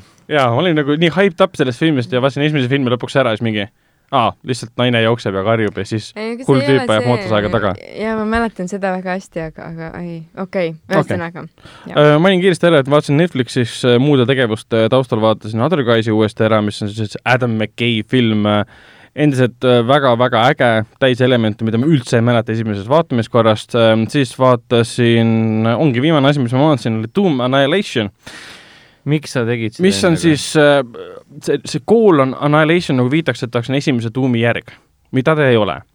et esimene tuum oli see, mis tehti nüüd äh, kaks tuhat viis, jah, kaks tuhat viis. Dwayne The Rock Johnsoni ja, ja Karl, Karl Urban ja Rosa, Rosamund Pike'iga. täpselt, ja see oli kohutavalt halb film äh,, sest selle lavastas Andrei Bartkoviak, kes on tuntud selliste saastafilmide poolest. Ja see uus film on lihtsalt tehti lihtsalt sellepärast, et äh, kui ma nüüd ei eksi, seda tootis Universal äh,. Nendel on selline mm, osakond äh, stuudiosüsteemis, mis toodabki VOD, video on demand filme ja Doom Annihilation oli täiesti video on demand film, esiteks valgustuse poolt, kogu valgustus filmis oli konstantselt ühte värvi. Et kui oli, sa saad, filmi saab jaotada selle järgi ära, et siin on rohelise valguse periood, siin on sinise valguse periood. ja, ja kõik näitlejad olid nii halvad, see, ja seal oli nii palju nagu vihjeid nagu mängudele. ja kui film välja kuulutati, siis ID Software kes on, teeb siis neid ähm, tummimänge, andsid sellest Twitteris teada, et oh tüübid, et meie pole asjaga üldse seotud. ärge absoluutselt seostage meie, meie, selle, meie mängudega seda filmi. no kuidas nad said teha üldse niisugust filmi, kui neil sest nagu... nagu... Universal Pictures omab õiguseid ah, okay., kunagi ostsid need ära ja need kestavad teatud aja. Mm. ja võib-olla nad pidid selle filmi tegema sellepärast, et see lepingus oli, et sa pead tegema teatud arv filme. ja siis see leping läheb edasi. tavaliselt nojah, niimoodi, et kui sa seda lepingut ei täida, siis sa Mhm, kaotad äh, Jah. õigused. jah, jah. ja, ja ütleme, täiesti kohutavalt vastik film äh,. aga viimased kümme minutit, kui üks peategelane läheb lõpuks sinna põrgusse, kus ta hakkab teemonitega võitlema, näeb nii äge välja ja nii ägedalt lavastatud, see on ägedad stseenid, et niisugune tunne, nagu oleks keegi teine selle lavastanud, me vaatasime seda mitu korda uuesti ja uuesti. ma isegi nägin ka seda kohta ja see oli tõesti väga äge jah, et hästi kontrastne nagu oligi niisugune tume mingi monstrumid ja siis Mhm. see naine seal ja mingi põrgutuli kuskil ja kivid ja värki-särki. et see nägi jah, niisugune väga niisugune omenos, täpselt. kurjakuulutav nägi välja. aga enne oli kõik mingi noh, nagu oleks Täiesti oma toas kuskil peldikus filmitud, näitlejad lihtsalt on mingid lainid pähe õppinud ja siis vuristavad neid ette, veits üritavad mingeid Mhm. emotsioone näidata. miks teil sellised hiiglaslikud relvad on, sellepärast et Jah. mängus oli või? jah, jah, jah. Ja seal põhimõtteliselt seal on hästi palju neid tuumi referentse ka, et seal näiteks mingi, leitakse mingi surnud arst, kelle nimi on John Romero ja siis oo, see on tuumi looja, issand kui naljakas. ja seal mingi erinevaid muid asju on ka, et mingeid teiste mängude vihte, vihjeid ka, aga see ei päästa filmi, sorry, et sul mingid vihjed on. ja kõik, kõik see oli filmitud mingi Bulgaaria stuudios kuskil, aga see nägi kõik väga kuiv ja odav ja jama välja, et äh, jah. Aga sellega saidki meie filmid läbi, mida oleme vahepeal vaadanud ja lähme edasi filmide juurde, mis alustasid eelmisel nädalal Eesti kinodes. Continental Ice Contact kolm naastrehvid on tõeline talvine revolutsioon neile, kes otsivad parimat Eesti talvisesse kliimasse loodud Saksa kõrgtehnoloogia, mida võib usaldada. Continental rehvid on saadaval kõigis Pointes müügipunktides üle Eesti ja www.rehvid24.ee veebilehel. No nii, lähme edasi filmidega, mis me oleme vahepeal kinos vaadanud ja nende filmidega, mis eelmisel nädalal kinodes alustasid. täpsemalt alustasid siis eelmisel nädalal kinodes Lustakad karud, kolme maailma saladus, siis tuli selline film nagu Robo, siis tuli õudusfilm Sinu päevad on loetud, siis tuli muidugi Terminaatori saaga kuues film Terminaator sünge saatus ja uus Eesti film Ühe mehe show. Nendest filmidest me oleme ära vaadanud siis muidugi Terminaator sünge saatus, Ühe mehe show ja Sinu päevad on loetud äh,. muidugi eelmisest nädalast, kuna meil oli siis külaline, siis me ei räägi nendest filmidest, vaat-, olime ära vaadanud ka Zombieland kahe topeltlasu ja nüüd uutest filmidest oleme ära vaadanud muidugi ka siis äh, Doktor Une ja Hendrik on ära vaadanud sellise filmi nagu Sõnu. jah huh,. millest me alustame? alustame filmidest, mis alustasid eelmisel nädalal mm -hmm. või siis alustame üldse Zombielandist, sest äh, see tuli nüüd üle-eelmisel nädalal mm. -hmm. Mhm. räägime Zombielandist mm. -hmm. Zombieland kaks, järg äh, kümme aastat vanale filmile, kus on kõik äh, samad näitlejad, Woody Harrelson, Abigail Breslin äh,, Jesse Eisenberg, Emma Stone äh, tagasi, enamus on vahepeal Oscarit, Oscarit võitnud kümne aasta jooksul. ja nüüd tehti teine osa sama stuudio poolt, sama režissööri poolt, samad stsenaristid, kes vahepeal kirjutasid Deadpool ühe ja kahe mm. ja mulle meeldis, mulle ka meeldis, mulle meeldis see rohkem kui esimene osa. ma pean ta ütlema oli ka, naljakam, ta oli niisugune, vunki oli rohkem ja action'it ja, ja sisu oli rohkem ja nagu toimus äh, rohkem ja ja zombisid oli defineeritud ja, ja nüüd oli juurde. sinna mõeldud. nüüd olid need äh, kõige, kõige lahedam see zombi kategooria, mis seal oli, olid need äh, kuidas neid nimetada, rumalateks, rumalateks Homerid. Homerid jah Homerid,, ehk siis need, need zombid, kes ei, on liiga lollid, et sind rünnata. ja, ja aga tulevad sind ründama, et liblikas lendab mööda, ründab liblikat hoopis. mm..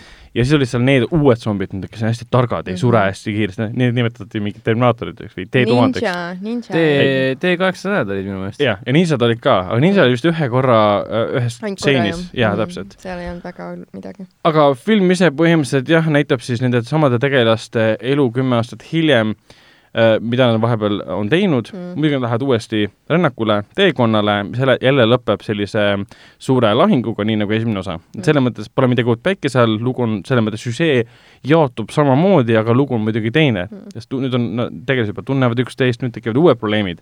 Nad ei suuda ühe katuse all enam elada. et kuna seal Tallahassee ehk siis ähm, Woody Harrelson võtab selle isa kuju ähm,, Abigail Breslini tegelaskujule, kelle nime ma ei mäleta. kes, kes siis tunneb, et ta on, kõik on tema jaoks liiga vanad selles seltskonnas mm, Mhm. -hmm. ta on kuidagi võõrkeha, otsib oma, omasuguseid, leiab hipsteri või noh, hipi põhimõtteliselt, kellel on hästi palju kanepit, kes viib ta ühe hipiparadiisi põhimõtteliselt ja siis äh, muidugi selline vimka on sisse tehtud sinna, et nad kohtuvad seal siis äh, teise kambaga, kes on neile identsed. Mhm. ehk siis nagu kahtlased või kohtlased sarnased. ehk siis seal on kõik uued variandid olemas nii siis Harrelsonile, Eisenbergile, Stone'ile kui ka siis Breslinile. aga muidugi nemad kaovad päris kiiresti erinevatel põhjustel ära. aga jah, tõesti, humoorikas, naljakas, südamlik, täiesti meelelahutuslik Mm. mm., ta on selles mõttes pretensioonitu, et ta ei ürita sulle midagi kurgust alla suruda, nagu väga paljud komeediad üritavad ja. teha. Ja põhiline, miks huumor töötab, on ka sellepärast, et see lugu, selline maailm on jäänud seisma aastasse kaks tuhat üheksa. ja, ja, ehk siis tegelikult kümne aasta jooksul toimunud meie maailmas olevad Mhm. sündmused ei saa mitte kuidagi mm. -hmm. suruda Jaa, ennast jah. sellesse loosse sisse. Kuigi- meie, meie tänapäeva maailm ei saa seal kuidagi olla. kuigi loo käigus teatavad äh,, kuidas nüüd öelda, naljad või killud täpselt puudutavad ikkagi neid sündmusi, mis vahepeal on toimunud, aga tegelikult nendest midagi ei tea. Ja noh, lugu algab äh, jällegi Metallica muusikasaatel, Mhm. kui, kui esimeses osas oli selleks From whom the bell tolls, siis nüüd on muidugi Master of Puppets, kus nad lähevad siis valgesse majja, mis on maha jäetud muidugi, ja hakkavad seal pikalt-pikalt elama. kuni siis Emma Stone'i karakter otsustab, tema läheb nüüd minema, sest äh, seal tule-, tekivad sellised äh,, kuidas nüüd öelda, suhteetapid, et nad on äh,, Eisenberg ja Emma Stone on olnud äh, pikka aega koos ja siis Eisenberg tunneb, et nüüd on aeg siis äh, nagu abielluda, aga selles maailmas, kas on üldse mõtet selliseid äh, kunagisi traditsioone või reegleid järgida. ja siis ühel hetkel nad lähevad kõik omavahel lahku, et siis uuesti kokku saada, et saada aru, et perekond on kõige tähtsam. vot, aga ei, selles mõttes killid olid toredad äh,, Zombie Kill of the Week on tagasi jaa. eh,. antud juhul, kuigi ma siiamaani ei saa aru, kuidas see süsteem täpselt töötab see..., et kuidas Eisenbergi ra- tegelaskuju teab neid, kes on üle maailma olnud Jah, parim, et kas neil on mingi internetivõrgustik endiselt alles Ei kuskil, mis on olnud, nagu, annab teada, et this is the zombie kill of the century või week või, või sa mõtled üle, see on ebavajalik, mis sa see teed jah praegu. No, jah. on jah, liig. kuigi nende elu tundus küll väga lihtne, et kogu aeg nagu see elek- elekter oli olemas, mänguarkaadid töötasid igal pool, juua oli, absoluutselt. üks põhjendus oli ka selle kohta, et jaa, tamm endiselt töötab ja vesi voolab, okei okay.. Selles mõttes mitte keegi selle eest hoolitsema ei pea, et tammed, tammed töötavadki ise, see ongi nii. jaa, nii see käibki. jaa, ei ma olen täiesti nõus teiega, et niisugune tunne oli, et äh, esimene oli kaks tuhat üheksa, no täpselt niisugune tunne oli, nagu ei olekski noh, kümme aastat möödas. et justkui kõik nägid ka samasugused välja. jah, ise no ainult enam-vähem. Abigail Breslin oli vane, vanemaks jäänud, silm, silm üheksa. aastat ikkagi. ja ta oli ka noor tibu siis, kui ta seal esimeses osas oli, et noh, aga noh, Vakas. make, make sense. Aga muidu täiesti, täiesti fantastiline, neetud, äge, lõbus komöödia, kogu aeg on midagi vaadata ja midagi, millegagi kaasa naerda ja irvitada ja siis nagu kaasa elada rämedalt, et nagu ma olen Aga- nagu tõenäoliselt selle aasta üks äh, meeleolukamaid äh, komöödiaid. Ja noh, seal on toredad cameod, üks, üks, üks näitleja tuleb tagasi, kes oli ka esimeses episoodis, ja aga me ei ütle, kes see on. jah, tal oli väga üürike roll, ütleme nii. Ja filmi lõpp on täiesti geniaalne selle koha pealt Mhm. mm, -hmm. et mis, mis seal nagu toimub. ja selle filmi kohta ongi raske nagu midagi öelda, et kas ta nüüd ma ei tea, tõstab siis nagu zombikomöödiad või õuduskomöödiad uuele, uuele tasemele või ei, ta lihtsalt teeb seda, mis tal on, on nagu antud äh, väga hästi. et ta on naljakas, eriti kui sa vaatad Harrelsoni tegelaskuju, kes on lihtsalt nagu, sa saad aru, et Harrelson lihtsalt naudib seda rolli. et ta on lõpuks roll, kus ta ei pea nagu, kuidas nüüd öelda, olema mingi keegi teine, kes ta tegelikult päriselus on. mul on kohati tunne, et ta justkui mängib iseennast. et Jaa. aa, ma saan asju taguda ja peksta Mhm. okei. ja, ja, ja võib-olla mis selle kui esimeses filmis tegelikult see kese seisnes selles Harrisoni ja siis Eisenbergi äh, arenevas suhtes ja võib-olla siis tegelaste kohta välja tulevas infos, mis puudutas Harrisoni, me saime teada, et tema laps äh, suri ära zombiapokalüpsis, kõik olid kurvad, siis teises osas võib-olla see oli jah, nagu puudu aga pigem nad olid jah, keskendunud sellele, et jällegi pere läheb lahku ainult selleks, et uuesti kokku saada mm., et saada aru, me läheme eemale sellest, et saada aru, mis on kõige tähtsam, see, ehk siis see, mis meil on kogu aeg no, see on see klassikaline, klassikaline teema, et nüüd me hakkame üksteist alles tundma, tundma õppima ja näe-, ja siis alles näeme, kas me jääme siis kokku või mitte, aga noh, ilmselgelt, et noh. jah ja,, täpselt äh,. tahate veel midagi öelda selle kohta? vot, kiidame, kiidame, minge vaatama, väga äge film on. Räägime, räägime järgmisena siis, räägime Terminaator sünge saatus, mis on siis Terminaatori saaga äh, kuues, kuues film, mis tegelikult on siis kolmas film mm, -hmm. sest äh, kolmas, neljas, viies ei lähe arvesse, ta on siis teise osa otsene järg. Ja kui seda kinno vaatama lähete või olete juba näinud, siis te saate täiesti aru juba esimese kümne minuti jooksul, viie minuti jooksul, miks ta on otseselt teise osa järg ja miks kõik muud arvesse ei lähe. see oli jah, päris äh, üllatav, kui kiiresti äh, ja. nad tegid publikule selgeks, et jõu, et nüüd tahate teada, miks me oleme kolmas osa või? sellepärast. jah, täpselt aga selles mõttes Terminaatori film on nii, nagu Terminaatori film, eks sul on jälle, tuleb äh, Terminaator tulevikust, äh, jälle tuleb äh, inimene või Terminaator tulevikust, üks, kes ründab inimest ja üks, kes kaitseb inimest. ja seekord need inimesed on hoopis teised kui vanasti, et noh, ei ole enam niimoodi, et Linda Hamilton äh, teda peab kaitsma või siis tema poega peab kaitsma, seekord on selleks siis Danny ja siis teda kaitseb äh, Grace, keda mängib Mackenzie Davis äh, Äh, kes on siis selles mõttes inimene, et see on selline väike referents esimesele Terminaatorile, kuna esimene Terminaator on ainuke Terminaatori film, kus inimene tuleb tulevikus tagasi mm., seal oli see Michael Bean. Ja siin tuleb siis nagu naine tulevikus tagasi, kes on nagu äh, küberneetiliselt augmenteeritud, siis nagu enhance itud, tugevam. et ta üldse saaks tulla tagasi. täpselt. et jällegi, see on täiesti puhtakujuline Terminaatori film selle koha pealt, et tuleb keegi tagasi tulevikust, ründab kedagi, kogu film põgenetakse põhimõtteliselt, kogu aeg taotakse seda paha Terminaatorit, temaga kunagi midagi ei juhtu tegelikult mm -hmm. ja lõpus viimasel hetkel ta, temast saadakse lahti, see ei ole nagu üllatus tegelikult. ja see oli ka filmi kõige suurem selline, kuidas nüüd öelda, üllatavalt nagu igav aspekt selle koha pealt, et te tegite jälle sama filmi. et teil on kuues film, et ma oleks James Cameron, kes on üks story nagu loo autoritest tegelikult ja põhiprodutsent ka, Äh, kes oleks võinud vabastada lavastada, kui ta ei teeks mingit viit äh, avatari filmi mm -hmm. praegu uh,. ma ootasin temalt nagu midagi enamat, ta teeb siis uue loo, kuna ta reklaamis seda korduvalt, et see on täiesti uus nägemus, et me nüüd ei no nii uus ta nüüd küll täpselt, et see ongi nagu võib-olla imelik. uus on ta selle poolest, et meil on uued tegelased, keda mm -hmm. nüüd taga aetakse mm -hmm. ja uued tegelased, kes päästavad tulevikku mm. -hmm. aga selle koha pealt, kuidas see lugu liigub edasi, pole midagi uut. välja arvatud meil Linda Hamiltoni tegelaskuju, sest tema nüüd siis äh,, Sarah Connor on tagasi alles pärast äh,, viimati teda mainiti kolmandas osas vist ei, vabandust, viiendas, viiendas ta, teda mängis muidugi see Emil, Emilia Clarke ka muidugi. üldiselt igas osas on teda mainitud. jah, selles mõttes kolmandas teda mainiti, et ta on surnud, neljandas teda mainiti siis, kui Kristjan Bale oli kurb. kolmandas ta suri vähki. ja, ja viiendas Aha. teda mängis äh, väga halvasti cast itud äh, Emilia Clarke, viiendast me ei taha rääkida, sest see on kohutav film ja nüüd ta on siis päriselt tagasi, ehk siis tema on selle, kogu selle aja äh, äh, alates siis, millal see teine osa linastus, üheksakümmend üks, kaks Äh, kogu selle aja siis võidelnud edasi Terminaatoritega, nii nagu treilis käib ka läbi, et I hunt Terminators ja tema sellega siis tegelebki. Äh, kus John on, seda me ei ütle, seda tasub äh, ise vaadata ja teada saada.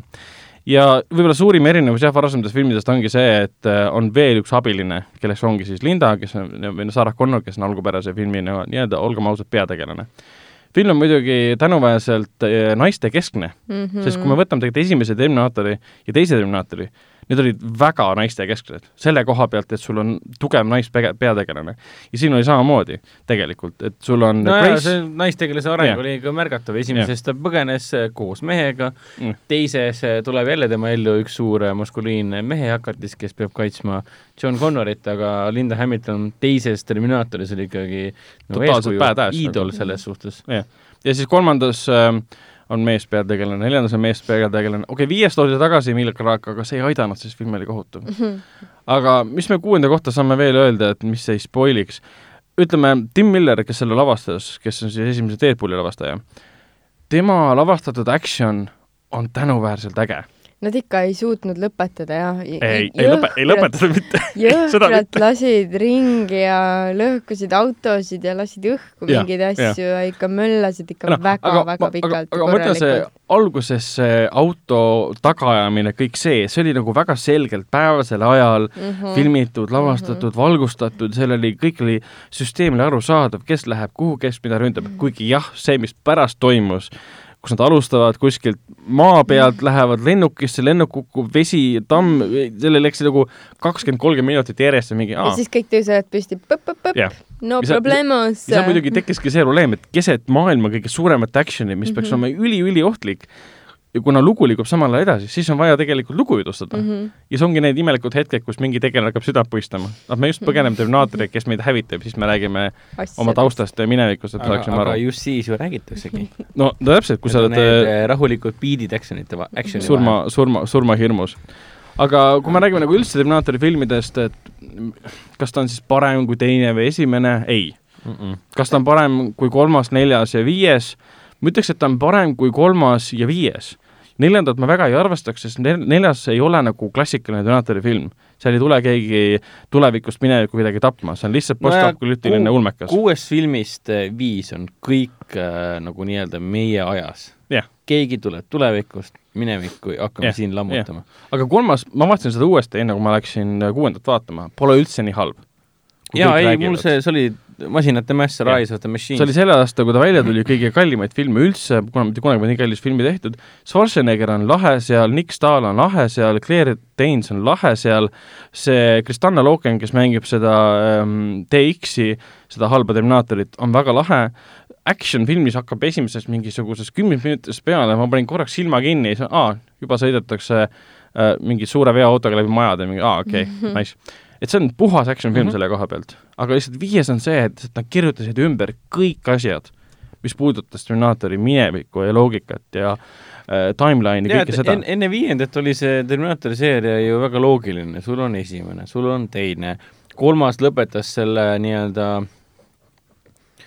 äh, kolmandas lõp-, kolmas lõpetas siis, kui selle seeria ära nii-öelda näed, nüüd tuleb masinate mäss, nüüd tuleb tuumasõda, nüüd, nüüd lõpeb kõik ära. ja viiendaga üritati ju reboot'i teha jah, ja siis tuleb neljas, neljas ka väga loogiline jätk kolmandale. nüüd on meil lõpuks, see on Connor tulevikus äh, ja ülla-ülla, see ei olegi see tulevik, mille eest mu ema mind hoiatas.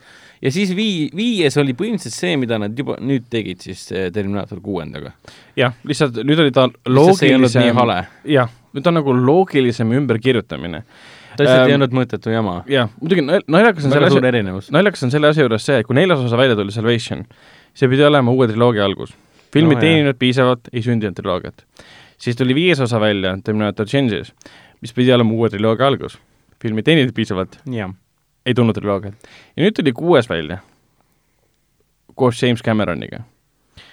ennustatakse filmile praegu saja kahekümne miljoni dollari suurust kahjumit, sest ta teenis sama nädalavahetusel USA-s ainult kakskümmend üheksa miljonit. ta oli küll esimene siiski, aga see ei aidanud filmi. ja ei tule uut triloogiat. vähemalt mingid sosinad ja kuulujutud käivad, et stuudio oli jumala pettunud selles kõiges ja pani pidurit kogu sellele projektile, et paneme, et teeme nüüd järjed hoopis. et nüüd on jälle Terminaator surnud, juba mingit kolmandat korda. et see on nagu selles mõttes päris kurb, et see on võib-olla ehe näide seeriast, mis tõesti nagu, mille parimad ajad on ammu möödas mm, -hmm. äkki me ei pea enam uuesti, uuesti tegema seda, et see film oleks olnud suurepärane, kui see lugu ei oleks olnud uuest maailmapäästjast, keda peab kaitsma ja kogu filmi äh, võitlema ühe sama Terminaatoriga. kui see süžee oleks pakkunud midagi täiesti teistsugust, midagi nii loomingulist, ägedat, nii nagu esimene osa kunagi oli või teine osa kunagi oli. noh, ja Arnold Schwarzenegger ka ei ole noor poiss enam, et no, noh, tema on ikkagi ju kogu selle filmi leida. keskmes, on ju. omal ajal leiti Austria, Austria mürakas, kes ei osanud korralikult inglise keelt, kes muutus ikooniliseks, kas tänapäeval on mm -hmm. raske leida sellist noh, sa ei pea otsima sa ei pea otsima uut Mustamäge, kes on mm. ausalt aktsendiga, selles mõttes, et see ei tööta niimoodi. midagi muud, samamoodi Robert Patrick teises osas, noh. nojah. ta oli tavaline jürss ja siis tehti, tehti, mis ta oli, T-tuhat seal või mm -hmm.? tehti T-tuhandeks ja siis, issand jumal, ikoon oli sündinud. no täpselt, ja tegelikult uues filmis Diego Luna, kes mängib seda Rev9. Rev9-i Re. Rev9. jah. Töötab samamoodi nagu Robert Patrick, ta on, ta on hea, lahe, sümpaatne Terminaator selle koha pealt, et ta on niisugune kurja pilguga ja sa tunned ta näo ära ja kõik selline, et vahepeal keegi nagu mainis, et ta näeb igav välja, aga ei, ausalt öeldes ma, ta tuletab mulle meelde Robert Patrick, et ta No peab, peabki olema ju selline Terminaator. jah. no ütleme nii, et Schwarzeneggeri Terminaator äh, saad, saada, saada, saada tulevikust, Skyneti poolt saadeta tulevikust minevikku, et siis leida inimene, on üsna halb mõte, sest ta paistab silma. mm. -hmm. ta on suur musklimägi. jah, Robert Patrick kõnnib ringi mingi, kas John Connor elab siin mingi? ei, härra politseinik, ei ela, aga ma annan sulle ta Jaa. numbrid, no ja siin oli ju tegelikult jumala loogiline, kui lugu, kuna lugu algab Mehhikos, siis äh, Skynet saadab äh, minevikku roboti, kes hakkab kohe hispaania keeles rääkima. jah, on ja nagu kes on loogiline. mehhiklane. täpselt, mis on, kes on mehhiklane, sest ta teab, et tema sihtmärk asub seal.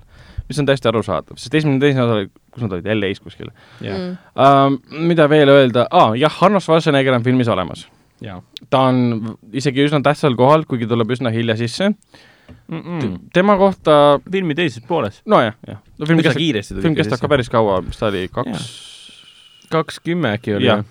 aga päris huvitava lahenduse olid on- nad talle leidnud imeliku, aga, aga huvitava. väga, väga, väga imelik, mille üle saab Mhm. väga lihtsalt palju... nalja teha palju, selles mõttes palju, kuidas seda nüüd öelda, see lahendus oli palju loogilisem ja huvitavam kui see, mis seal viiendas tehti, et noh, no viiendas võime spoil ida, et seal, seal kirjutati aeg niimoodi ümber, et äh, Arnold Schwarzeneggeri T kaheksasada saadeti siis nii kaugele minevikku juba, kui Sarah Connor oli pisike tüdruk hmm.. kui Terminaator saadeti Sarah Connori lapsepõlve, kus tapeti ära tema vanemad ja siis tuli T kaheksasada, võttis ta endale enda kaitse alla, kasvatas ta üles. jah, ja seda üldse ei selgitatudki, et Terminaator on selleks üldse võimeline, et ma kasvatan ta üles ta vahepeal siis vananes ja siis jõudis see eh, ilmetu näitleja Jay Courtney Kyle Reese'ina siis eh, tagasi esimesse ossa ja siis mingi ülla-ülla. Linda Hamilton on läinud, nüüd on Emilia Clarke asemele ja sa oled juba täisrelvastuses ja sa ütled ise, tule minuga kaasa või sa sured. mis on nagu niisugune gender bending nii-öelda gender bending. kuigi olgem ausad, see uus film võlgneb väga palju esimesele ja teisele. seal on nii palju stseene, mis on üks-ühele võetud sealt, need laused, mis on üks-ühele võetud sealt, see on meelega tehtud, et fännid vaatavad, oh, ma mäletan seda, ma mäletan seda. aga see on ka põhjus, miks see film nagu läbi kukub kinodes, see põlvkond, seda põlvkonda ei eksisteeri enam, kes massiliselt käib vaatamas Terminaatorit. vanasti käisid jah, sest me mäletasime veel seda, aga nüüd on need inimesed, ei, neid ei huvita enam need, see on, nemad armastavad seda James Cameroni filme no nad mängisid oma kaardid ära tegelikult selle, selle, sellega, et nad pärast neljandat midagi muud ei suutnud välja mõelda. aga samas ma pean tõdema, et äh, mul on hea meel, mul olid ootused madalad ja mul oli filmi vaadates väga hea meel, et see on jumala okei film. no nagu selles mõttes küll. otseselt no, nagu see on vahva action, tegelikult väga ägedad näitlejad, Linda Hamilton on tagasi, see on mm., kes, jumal äge ju. Linda Schwarzeneggerist jumala savi, ta on igas episoodis siiamaani olnud, okei okay,, viies tegelikult. neljandas seda ei olnud, neljandas oli jah, see tema noorendatud variant oli. üks mingi kehadublant oli seal, aga mul on nagu hea meel see, et nagu okei okay,, kolmas, mul on kahju, et nad seda kolmandat üldse ei, nagu ei arvestanud enam midagi, aga ma saan aru, et oli vaja midagi välja mõelda, et noh, jah. aga mulle meeldis see, et ta, ta on põhimõtteliselt on ta esimese teise osa põhjal tehtud uh, uus nägemus mm. -hmm. remake, reboot, soft reboot, mis iganes. sõna otseses mõttes muidugi reboot või no remake isegi võib öelda jah, jah, lihtsalt teiste näitlejatega. jah, et põhimõtteliselt nad kordasid esimese ja teise osa võlu, tegid väikesed sahinad, sihinad, sahinad, muutsid asju ümber ja siis põhimõtteliselt võtsid uued tegelased ja tegid täpselt seda äh, teist osa Jah. nii-öelda uuesti. võib öelda, no et ja nimetati asjad ümber, aga mõte oli sama.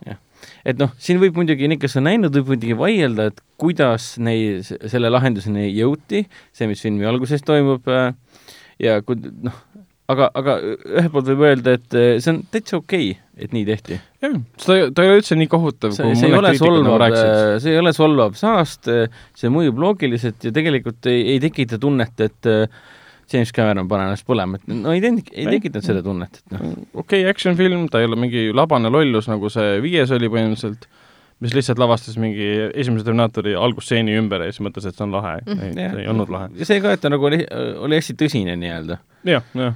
no, ja Mackenzie Davis, minu arust selle Gracie rollis oli väga äge. Mm. kus me nüüd, aa, Blade, Runneris. Oli mängis ta, seda Soome litsi. Soome lits, ei, tema ei olnud Soome, üks teine oli Soome lits. jaa, ta mängis Soome litsi kaaslast.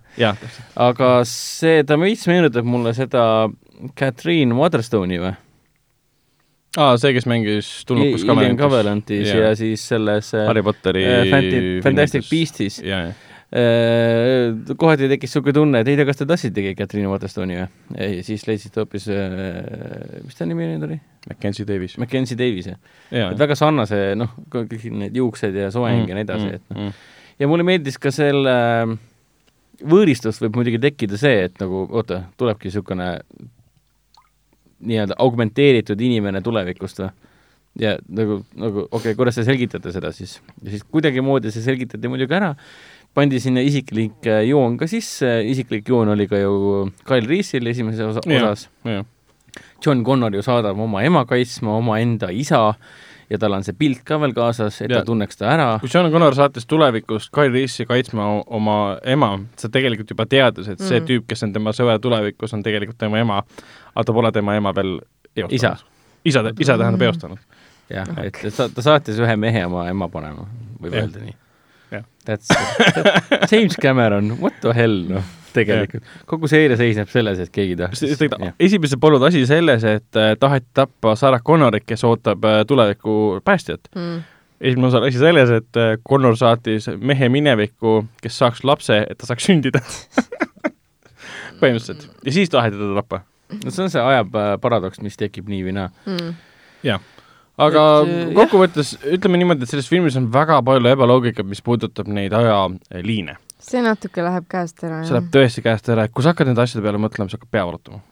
et pigem... kuidas mingid asjad töötavad, kui mingid asjad on ära juhtunud. jaa, ta ei tasu üle mõelda, et pigem tasub hoida näpuga järge selle peal, mida filmitegijad on justkui öelnud ja siis ja. vaatad, kas ta nagu on loogiline ja. selle, selle ja, seeria kontekstis ja noh, selle seeria kontekstis nagu on loogiline ja mul on kahju muidugi, et käivad juba jutud, et nad ei taha rohkem teha, aga, aga selle põhjal ma vaataks, et noh, võik, võik, võiks nagu teha mm., kuigi üsna lõplik oli see finaal süngel saatusel. et ma nüüd äh, väga oli või, oota no,? oli, ei põhimõtteliselt jätkata saavad. kõik tehti ikka nii, nagu, nagu pidi ja, alati on juhtunud. seda küll, seda küll. aga no ütleme niimoodi, et James Cameroni produtseeritud asjadel ei ole hea, kui vaatame tema asju, mis ta on üldse produtseerinud, ei ole kunagi hästi läinud. no Alita tuli selle aasta alguses Alita ja... oli, kukkus ka läbi selles mõttes, et ta ei teeninud piisavalt no ta ei otseselt ei kukkunud ei, läbi. on juba tagasi ta... teeninud, aga ta on, pole kasumit teeninud, ta on sellesama no, raha teeninud, ta on. ta oli suur mega sci-fi seiklus blockbuster ja ometigi ta teenis oma raha aeglaselt. no ainuke asi, kõik produtseeritud, ütleme, mängufilmid, mis on olnud James Cameroni produtseeritud ja on olnud äh, kasumlikud, oli mingi suvaline õudukas, mis oli 3D-s Sanctum oli nimi. ta produtseeris üheksakümnendate alguses, vist oligi üheksakümmend või üheksakümmend üks, ähm, Catherine äh, Bigelow, tema eksnaise siis äh, ja, selle... filmi äh, Strange, Strange Days, Days., mis ka teenis mingi närused kopikad sõna otseses mõttes tagasi. ja ta produtseeris ka mm, kurat, just oli keele peal. ta andis ka Jessica Albale ju tööd. Dark Angel või? Dark Angelis. jah, no see, noh, tegi, tegi ta staari, oota, mis Jessica Alba üldse saanud on? ta kadunud täiesti. ma ei tea, elab oma rahahunniku osas mm. -hmm. no okei okay,, jah, make sense no.. aga milles probleem on mida ma tahaksin muidugi, tähendab, kokkuvõttes võib öelda seda, et mina jäin filmiga väga rahule. ei, mina jäin ka. selles mõttes rahule, et issand jumal, ta ei olnud halb. jah. mina mõtlesin ebaloogiline jura. aga mida ma tahaksin välja tuua ka seda, et filmi üks stsenaristidest on Josh Friedman. Josh Friedman on see stsenarist ja, ja, ja mm, režissöör ja produtsent, kes ühel hetkel tegi äh, sellise seriaali nagu Terminator The Sarah Connor Chronicles kus mängis äh, Cersei Lannister mängis Sarah Connorit, ehk siis nii. Äh, Liina Heidi. ja, ja äh, vähetuntud Thomas Dekker mängis seal John Connorit ja, ja te... Fireflyst ja Serenityst tuntud Summer Glau mängis Cameroni nimelist Terminaatorit. Ja see oli see kestis kaks hooaega, seda keegi ei vaadanud, siis pandi kinni. jah, et teine hooaeg lõppes cliffhangeriga, et noh, jah. aga see oli väga mõnus dramaatiline seriaal, kus tegeleti väga palju just nimelt tegelaste arenguga, väga lahe oli ja seda oli siin selles sünges selles saatuses väga tunda, et siin on Joss Friedmani käsi sees olnud, tema sulg on sees olnud. veits oli küll, jah. kõik need noh, nii-öelda ajahüpped ja kuidas keegi tuleb ja, ja mis, mis suhted neil on sellega, kust ta tuleb. Terminaatorite nagu inimlikuks muutumine, muutmine. Jah, inimlikustamine, et seda Friedman tegi ka siis selles seriaalis. Et Kõige, see Samme, Samme Cloud Terminaator põhimõtteliselt tahtis olla in, rohkem inimene. seda peab ütlema, Sarah Connor Chronicles'i seriaal on selle peale suurepärane näide, kuidas kasutada muusikat action'i taustal. Seal esimeses hooajas on üks koht, kus üks Terminaator tapab äh, mingi SWAT-i liikmeid aa jaa, seal oli Johnny Cassi kuku, see kukuvad kuskil When a man comes kolmandat around., neljandat korruselt, lükatakse neid, tapetakse ja lükatakse siis basseini. ja samal ajal üks vaatab pealt, kuidas Terminaator tapab kõiki, see pool aegluubi, see käib siis The Man Comes Around taustal mm. -hmm. ja pärast seal vist teise hooaja alguses, kui, kui see oli, see oli Manson. Summer Glau äh, tegelaskuju, ehk siis ta pole enam hea Terminaator, korraks muutub pahaks, hakkab seal põhimõtteliselt hävitama kõike, siis käib Shirley Mansoni see Samson and Delilah, mis ja on, ja, ja Shirley Manson ise mängis ka teises hooajas. jah, mängis Terminaatorit, mis oli päris, päris badass tegelikult. see oli, seal tegeleti väga palju selle teemaga, kuidas Skynet alguse sai. Et see oli no see on action seriaal, see oli karakteri, karakteri draama ja, hästi lahe oli.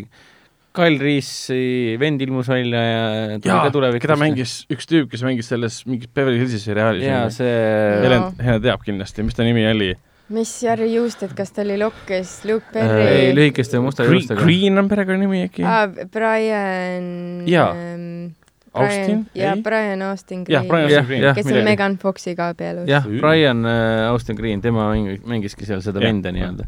mm. et jah, väga lahe seriaal ja selle, sellelt pinnalt võib öelda küll, et äh, mina olen oma Terminaatori eluga antud hetkel rahul. Rõõm kuulda, aga millest me järgmisena räägime? Las ma mõtlen, doktor Unest saame rääkida mina ja Hendrik. räägime vahelduseks õudusfilmist äh, Sinu päevad on loetud, mille, mille, mis on inglise keeles siis Countdown, mida mina käisin siis Heleniga vaatamas. mis, mis sa piksud, aa, see on Countdown, ei, ei. oli siis, oli, oli, oli siis teie päevad loetud või? jah, küsimegi, et Helen, millest, millest Countdown räägib, mis film see, mis, mis, mis film see selline on? ähm,. Ähm, aa. see on nagu keeruline, sellepärast et äh, ühelt poolt on nagu jah, see, et mis mulje meil alguses jääb või jäetakse ka kasvõi treileris, et tegemist on siis äh, mingi salapärase äpiga, mis hakkab külvama äh, hirmu ja õudu siis mm. -hmm. nendele, kes need selle alla laevad. Aga kui seda filmi vaatama hakata, siis muutub see film hoopis teistsuguseks. et ähm, kui me nüüd siin mõned asjad ära ütleme, mis seal nagu päriselt olid, siis noh, iseenesest nagu filmist midagi järgi ei jää. jah, ärme siis nagu, jah. et aga muidu selles suhtes, et kuna me, me läksime sinna ju niimoodi, et ega me keegi miskit ei teadnud, kui me seda vaatama Ei. läksin, läksime ja mul, ma, ma isegi ei mõtlenud, et oh,, hullult tahaks teada, onju, ma tegelikult arvasin, et see on mingi ilge saast. et see ei kõlba kuskile film, et aa, laed rakenduse alla ja ja, mingid siis noored ka veel, kes ilmselgelt mingil põhjusel filmides alati on see, et Ameerika noored on mingid pooletoobised, kes millestki aru ei saa ja topivad oma näppe igale poole ja siis läheb midagi Jah. ilgelt pekki, Jah. on ju, see ülla-ülla. ja et noh, et, et eks ta nagu niisugune film on, aga tegelikult äh, oli natukene parem õnneks. Et äh, oli niisugune põnev äh,, ootusärevusega äh,, oli karakteri areng vist ei ole õige sõna.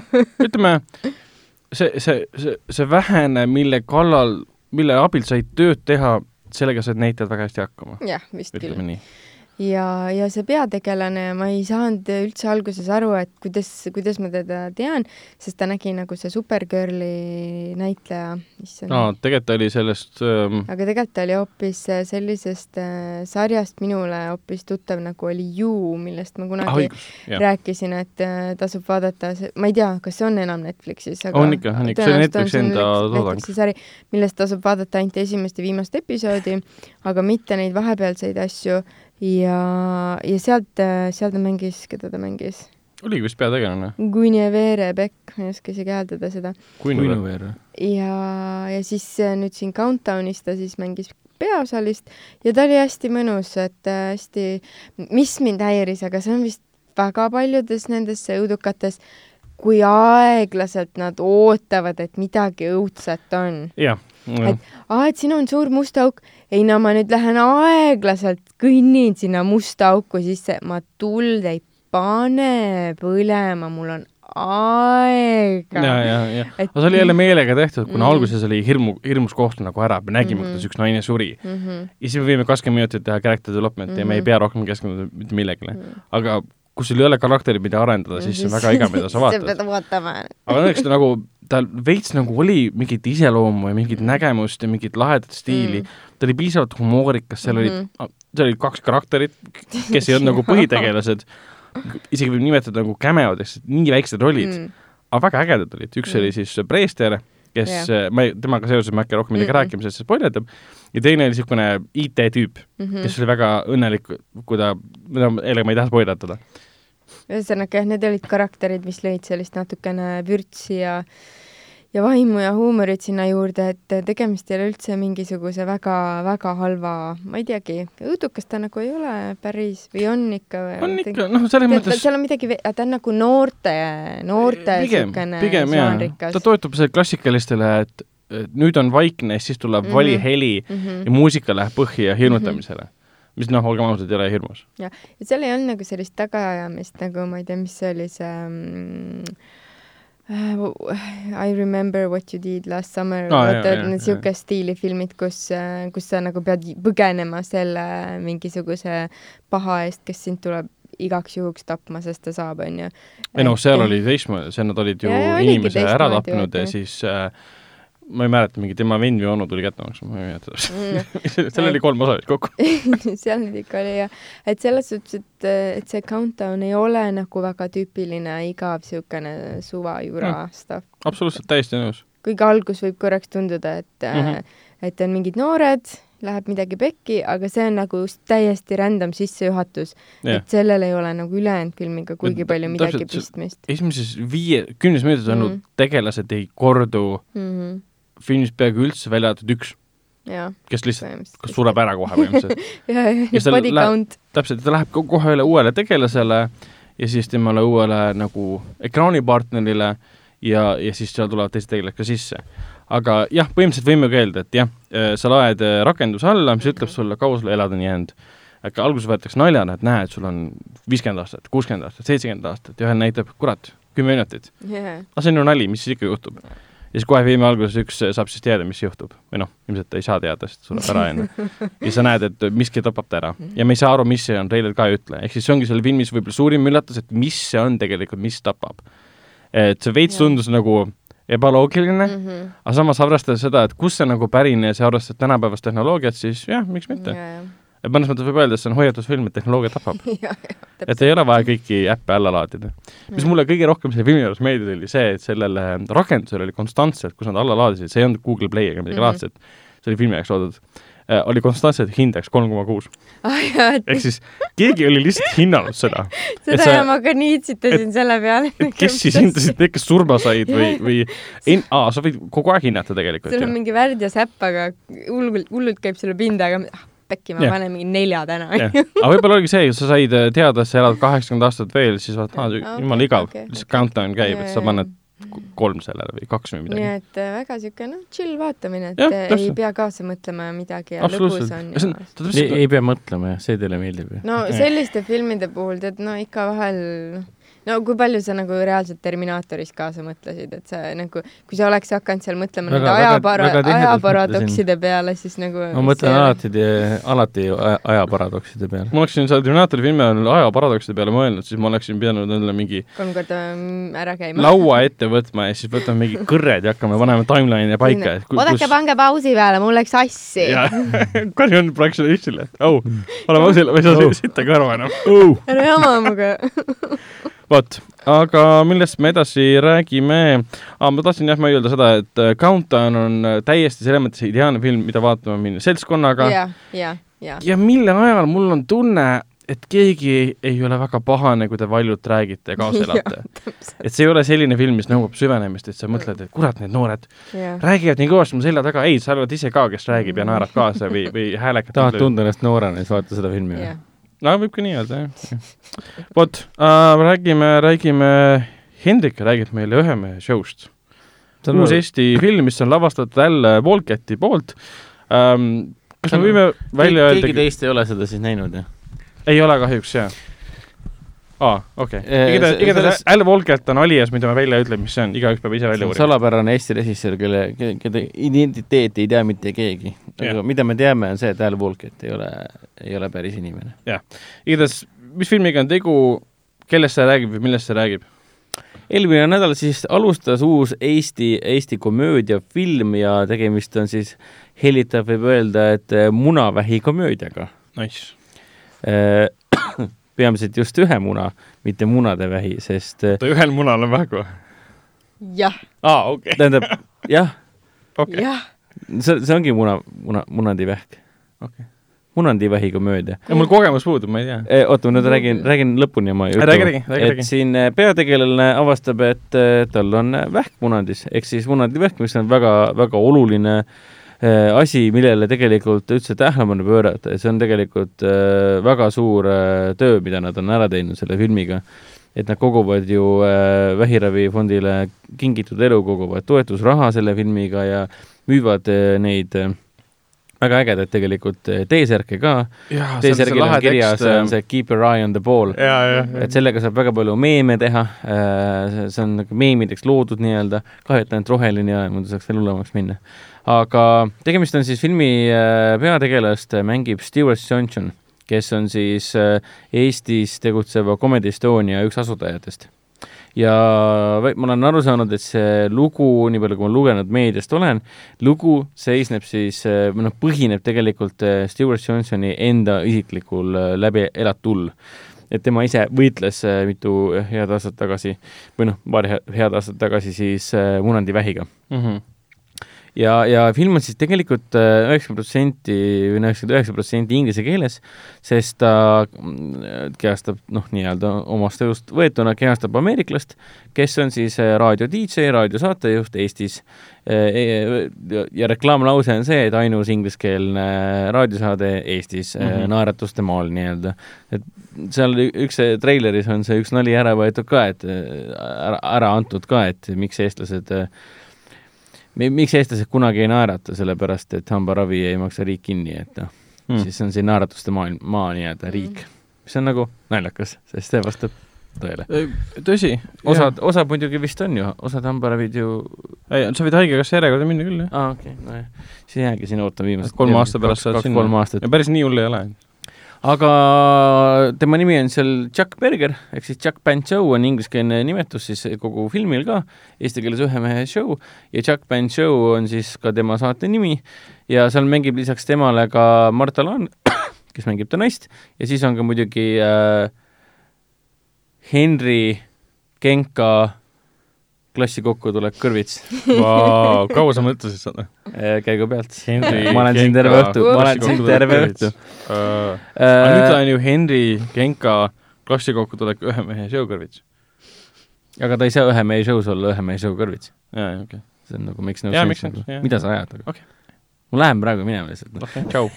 Uh, film on tegelikult uh, oma, oma raske teema suhtes uh, küllaltki niisugune kerge vaatamine, ta on humoorikas uh,. Chuck Berger, vabandust, Stewart Johnson uh, sobib sinna rolli tegelikult suurepäraselt uh,. tal on hea jutuga ta on hästi muhe ekraani ek,, kaadris on ta, kaamera ees on ta väga niisugune muhe ja mõnus väga niisugune füüsiline, liikuv ja ta on, ma ei tea, kas ta on kunagi varem üldse näidelnud äh, sellisel Mhm. kujul või mitte ma. just mõtlesin ka, et tavaliselt, et ikkagi on ju vaja mingit näita mingisugust koolitust või midagi, et noh, et ega väga lihtne tegelikult aga kuna ta ole, Comedy Estonia No siis ta on no, esinema, esinemine kui selline on tal Mhm. noh, veres selles suhtes, tema Jah. selle Comedy Estonia aitas luua ja tõenäoliselt on ta ka pool oma elu siis äh, äh, korralikult, korralikult ka mm, esinenud ja nii-öelda teinud ka dialoogi Mm. publikuga ja siis ma ei tea, filmis on tegelikult üks asi olemas, üks selline tseen nagu äh, räpilahing või siis rap Ohoh. battle, mis annab ka mõista seda, et äh, kes teab, äkki Stewart Johnson on ka päriselus siis ka räpilahingutel käinud või siis on need okay. püstijalakoomikute lahingud nii-öelda Jaa, jaa. Ehm, mis siis veel uh,? mulle tegelikult film meeldis uh,, ma ei saaks öelda, et ta nüüd uh,, nii mõnigi Eesti kriitik on üsna pahasti öelnud ja siin teatavates tabelites on film ikka väga, väga madalale langenud. sa pead siin silmas Ekspressi kriitikute edetabeleid Jah., ma, kus film on viimasel kohal. jah, ma ei leian, et kõik vihkavad seda. ma leian, et see on küllaltki, küllaltki ebaõiglane, et ma saan aru, et nüüd jõudis Terminaator ka sinna. teater on eelviimane. eelviimane jah, mis see viimane siis on? Ongi ühe mehe show. aa, okei okay., aa, okei okay.. mis on suht naeruväärne, Teater on palju parem film kui ei tea. Pahatab kaks või mingi enesekordamine pole hea, aga makes no sense, no come on, come on, come on.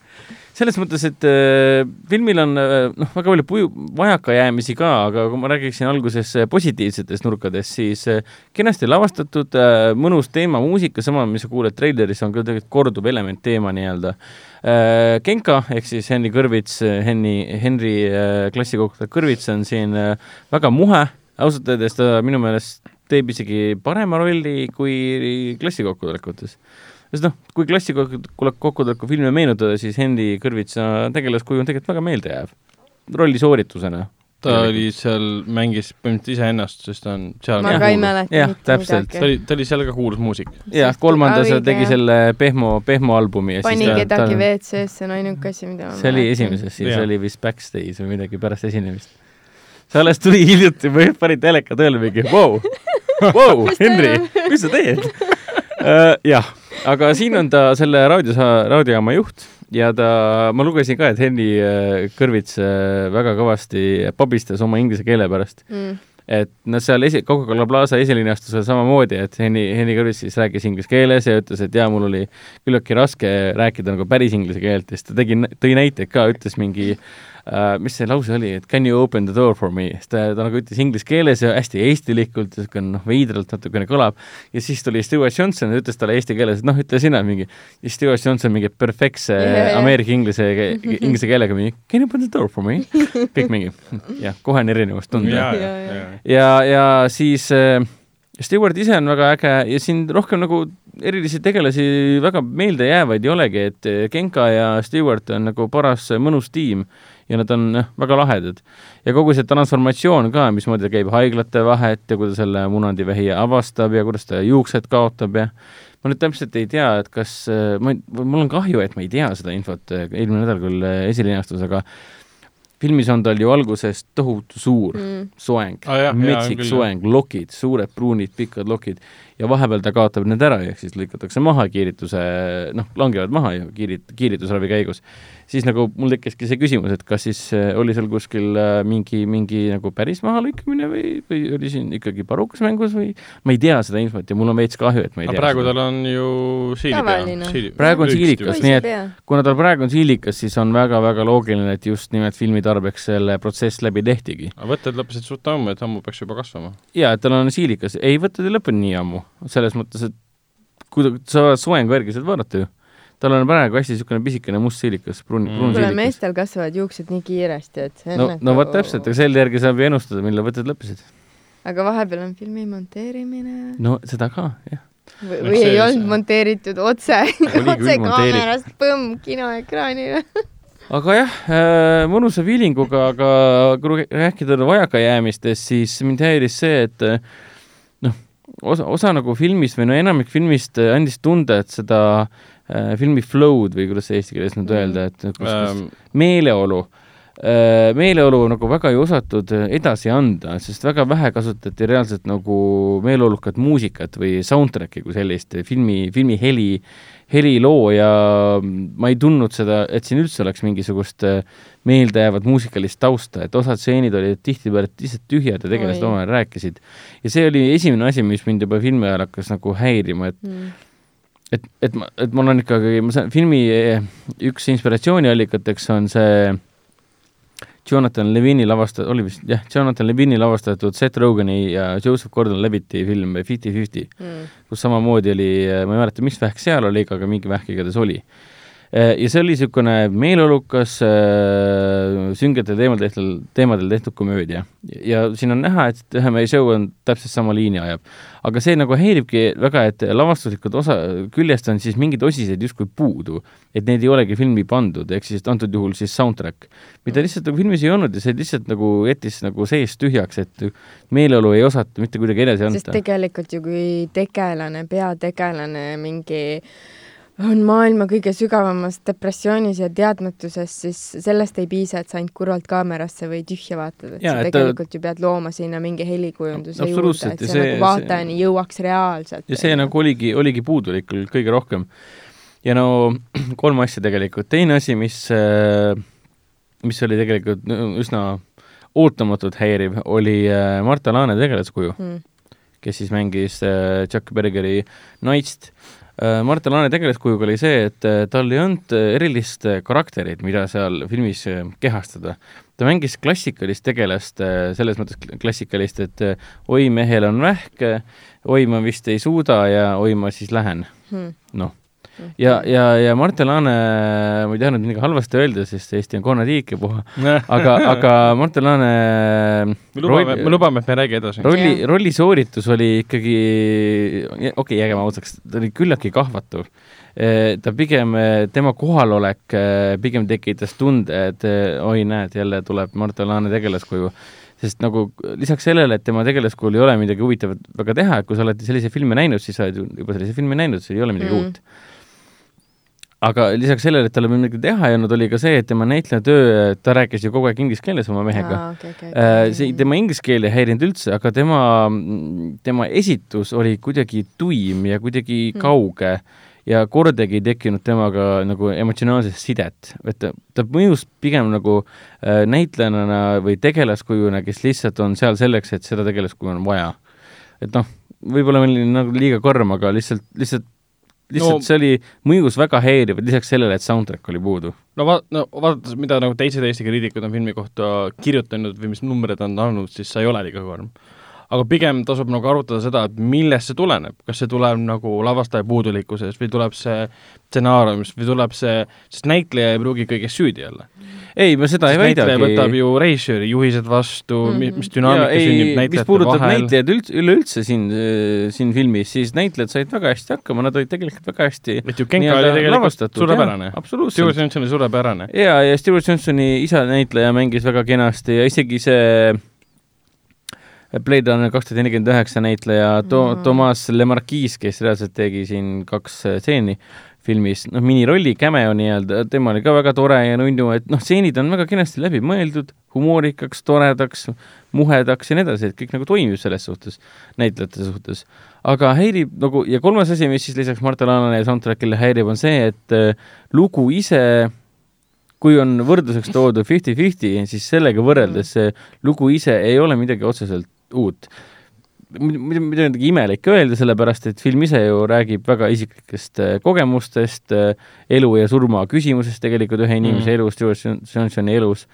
ja see on väga oluline teema, see on väga tänuväärne, et nad keskenduvad tegelikult ju äh, vähi, vähiravikampaaniale, et to- toetust saada mm, kingitud elufondile, see on väga, väga tänuväärne. aga film ise, et kui ma peaksin valima, et noh, et, et kui tahad näha sellist äh, elujaatavat filmi äh, rasketest, rasketest äh, nagu füüsilistest teemadest või noh, haigustest, siis ma vaataks ainult Fifty-Fiftyt, ma tõenäoliselt ei soovitakski tegelikult nii väga ühe mehe show'd. aga kuna ta on Eesti film Eesti näitlejatega, Eestis toodetud, siis, siis noh, tasub kindlasti ära vaadata. ja ta on koos muidugi hooandja abil tehtud ka osaliselt ja. seda ka hooandja abil tehtud. nii et eh, nagu Urmas Eeroli armastab öelda, et eh, mida vähem Eesti rahva rahakotist raha võetud, seda parem, et eh, kui tahad anda, siis annad ja kui ei taha, siis teen ikka valmis, et noh, jah. nagu ta meil siin eelmises saates Kiirdevõrguse teemal rääkis, et mm. -hmm. mina sinu vanaema rahast, raha ei ole ära võtnud. Mm. Et vanem, vanaema läks eh, poodi ja, ja mina võtsin siis king, kingakarbist võtsin eh, eurosid ära. noh, meie vanaema ra- rahakotist ei saa keegi midagi enam võtta. Vau, vau, vau, vau, Ragnar. okei, et eh, me rääkisime süngetest, süngetest teemadest, nii et ma et läksin, läksin kui kui räägides süngetest teemadest, siis kui Sünge saatus oli jumala okei okay film, siis, siis Ühe mehe show on lihtsalt üks tore väike filmike, millel on potentsiaali enamaks, aga ta väga palju seda ei kasuta, aga ta särab tänu äh, Genkale ja Stewart Johnsonile ja kogu sellele idee, ideestikule, et siis äh, püstijalakoomik äh, kehastab siis raadiosaate juhti. et mulle see teema väga meeldis, iga kord, kui ta oli puldis ja rääkis oma elust, et tähendab, kogu filmi point on see, et kui ta lõpuks saab sellest üle, et tal on vähk, siis ta hakkab oma elust rääkima omaenda saates mm. -hmm. ja talle hakatakse tegelikult väga palju välismaalt helistama, sest osad inimesed, tal on hästi vähe fänne alguses. Osad inimesed heli- helistavad, kes Islandilt, kes Rootsist ja kõik räägivad oma kogemustest ja nii edasi. ja vahepeal on ta, paneb, ühes stseenis ta pani seal lõpupoole pani rämedat kulda, mis seostub siis ühe munandiga, kuna see üks on muna sul võeti ära. meeles ka mõni hea kulla tükike? issand, sa võid kaudselt sõnastada, sa ei pea, see ei pea isegi naljakas olema, me peaksime mõttest aru saama. seal no kõik, mis seostub monoga või midagi taolist, et noh, ühe asjaga ja nii edasi, et noh, et ma tõesti ei tule praegu see meelde. treiler oli see Kollomi nali päris hea. aa, see Gollumi nali oli jah. kes tahab seda Gollumi nalja näha, siis vaad- vaadaku treiler lõpuni, seal, seal on see olemas. et seda on näha, et Stewart Johnson võttis asja mõnuga. ta sobis sinna raadiosaatejuhi rolli nagu suurepäraselt, sulas sinna rolli ära ja kui tema, temal suu lahti läks ja hakkas seletama eh, raadiosaates oma elu, oma katsumuste kohta, siis seda oli lust vaadata ja näha, et ta täiega naudib seda mm. -hmm jah, selles suhtes kindlasti soovitan ära vaadata, et äh, komöödia katsetusena on ta noh äh,, miks mitte just selline komöödiakatsetus teha, et äh, loodan, et loodan, et Stewart Johnson võiks tegelikult ka Eesti, Eesti filmimaastikul alles jääda, et ta sobib tegelasena väga hästi või noh, näitlejana. nojah, no selge. me vaatame ka kindlasti, kindlasti Heleniga filmi üle ja anname omad äh, viis senti järgmisel mm. -hmm. järgmisel korral um,. Hendrik, kas sa tahad jätkata äkki, sa võid mõne sõnaga rääkida uuest Vene filmist, mis sel nädalal kinos alustab, mille filmiks on Sõnum. sõnum. sa oled ainus Ehk siis- mees, kes on seda näinud ja ma jätaksin hea meelega viimaseks siis äh, Doktor Une ja siis Slayer Repentless Killogi, mida käisime eile vaatamas, siis Pendes Killogi. inimesed karjusid saalis, et Slayer, ah, Slayer, Bastion, ei, nii päris Raining Blood, Angel of Death. Aga sõnum, sõnum on siis äh, film, mis põhineb Dmitri oota, ma räägin ise ei, ma teen sissejuhatuse ära, et film, mis kõige põhineb, põnevam osa räägid ära, et film, mis põhineb äh, Dmitri Gluhovski samanimelisele, on samanimeline? jah, romaan äh, Dmi- Dmitri Gluhovski on muidugi see mees, kes kirjutas äh, Metro raamatud, see on siis äh, Metro kakskümmend kolm, kaks tuhat kolmkümmend kolm, Metro kaks tuhat kolmkümmend neli, Metro kaks tuhat kolmkümmend viis, millest omakorda on siis sündinud kolm, kolm videomängi, Metro kaks tuhat, videomängu, Metro kaks tuhat kolmkümmend kolm, Metro Last Light ja Metro Exodus, Exodus., millele kõigele siis aitas loo kirjutada Glukovski ise ka. aga Jah. see on siis üks romaan, mis ei puuduta seda Metro universumit, vaid on täiesti uus, see on siis ulmekas, ma saan aru. ulmekas, ei ole ulmekas. ma ajasin täiesti segamini siis. ei, sõnum on äh, pigem ikkagi niisugune karm äh, kättemaksudraama. okei, okei. jaa, ta on väga realistlik. ma va- vaatasin. vahepeal nimekirju Vene filmidest, mis tulevad Eesti kinno nüüd äh, kohe-kohe varsti, enamus neist on ulmekad. Ilmselt sealt meil tuleb see... see valvlepost ehk siis avantpost, ma ei tea, ja kuidas vene keeles ja täpselt see Kooma, see, mis tundub olevat nagu Vene Kooma on järgmine aasta jah, ja siis Jah. külge tõmbavad kaks Attraction kaks. jah, see on mingi räme hull crazy, venelased ikka panevad hullu, et see mm, Mhm. -hmm. mul on nii hea meel, et ma saan vahelduseks mingit teist ulmet aga sõnum on siis kättemaksudraama. jah, et Gluhovski, mina Gluhovskist olen lugenud neid eh, metroraamatuid, tema stiil mulle väga meeldib, kuigi tal on, ta kohati on üsna niisugune konarlik, et ma mäletan esimest Metro kaks tuhat kolmkümmend kolm raamatut oli natuke raske lugeda, sest filmi keskel oli see, et Gluhovski lihtsalt hakkas rämedalt palju heietama. ja sa loed seda mingi sada lehekülge heietamist ja mõtled, et issand jumal, palun tee nüüd midagi oma eluga oi-oi.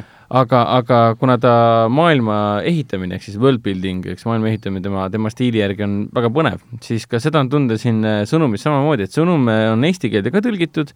Venemaal tuli see ka välja, ma ei tea, kas ta oli see aasta see raamat või mitte.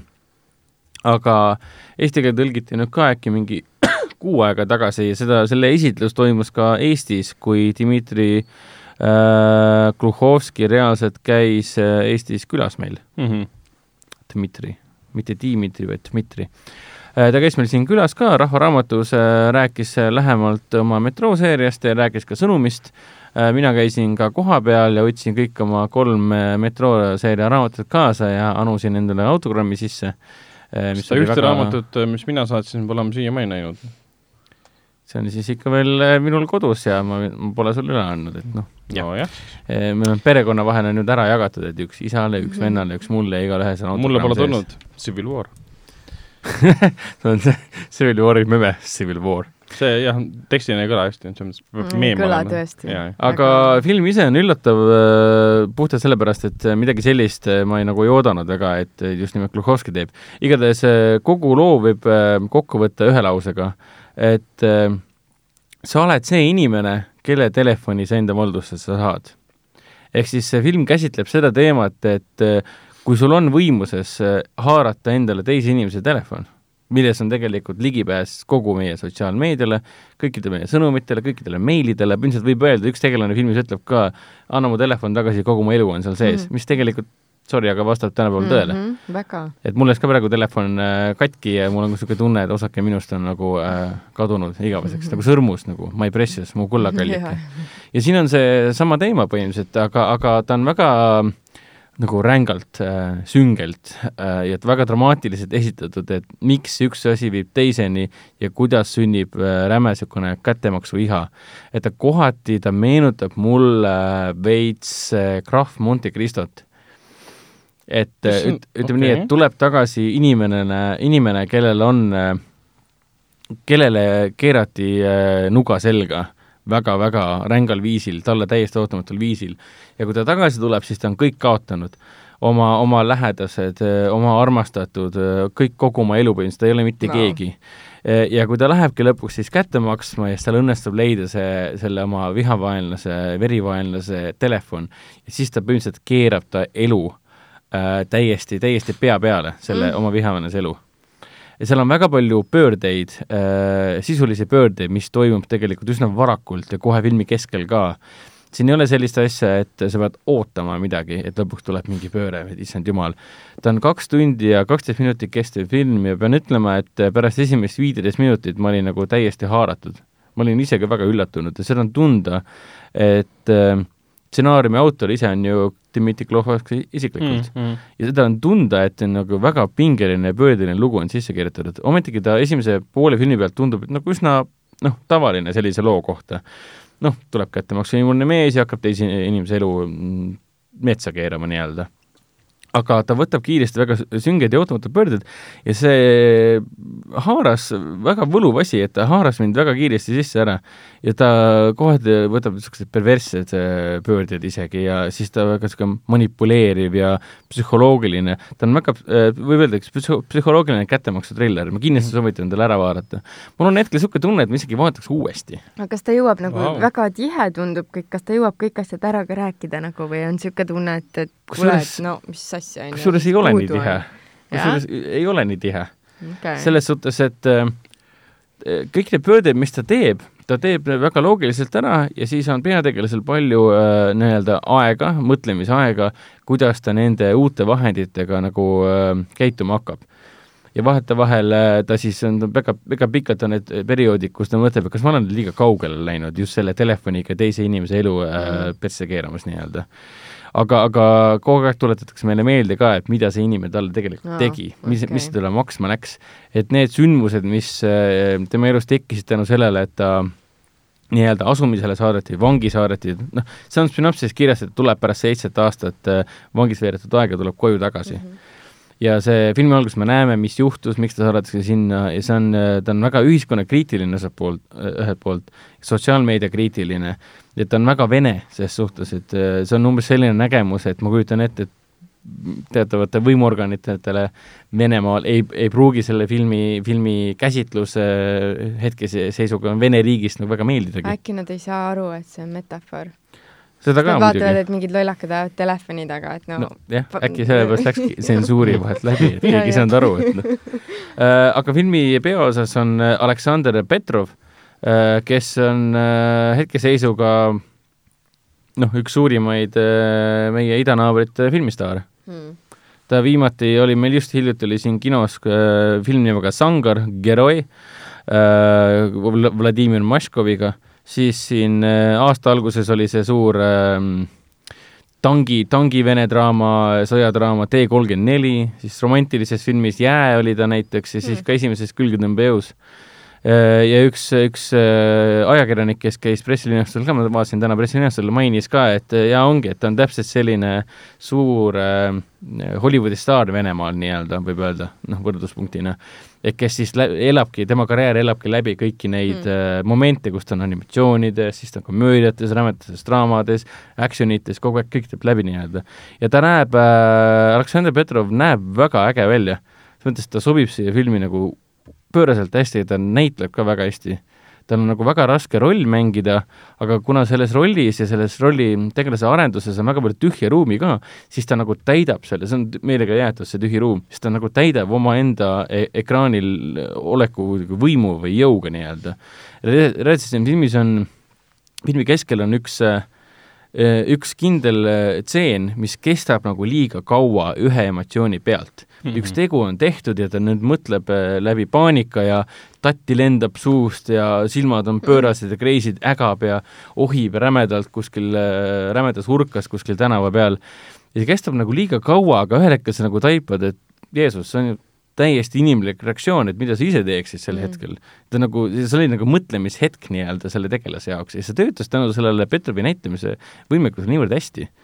Et äh, praegu, kui sellest filmist räägin, siis nagu ma nagu lausa erutun veits, mm. sest ma nagu tahaks seda neid, nagu stsenaariumi kuju nagu uuesti näha äh, et nagu läheks nagu uuesti vaatama, kas, kas see teiega kahekesti. oota, aga kas sa seda raamatut olid ka lugenud? raamatut ma ei ole lugenud no, jah okay.. aga see oli eesti, eesti keeles olemas, jah? ta on eesti keeles välja antud küll, jah mm et äh, seda ma tean ka, et raamat tekitas Venemaal palju furoori raamatu põhjal tehtud film tekitas väga palju furoori, eriti veel see, selline superstaar mängib seal peaosas äh,. film on, nagu ma ütlesin, et ta on sünge, ta on äh, ootamatu, ta on äh, pingeline, ta on väga dramaatiline, samas hästi emotsionaalne äh,. ta läheb äh, väga niisugustesse süngetesse keerdkäikudesse, et kui sügavale on võimalik minna ühe õnnetu telefoni abil teise inimese ellu ehk siis põhimõtteliselt ta on nagu uss, kes äh, ujub äh, selle oma vihavaenlase perekonna armastatud äh, äri keskele nii-öelda, ta on nagu mingi, võib öelda, et ta on, ta mõjub nagu mingisugune,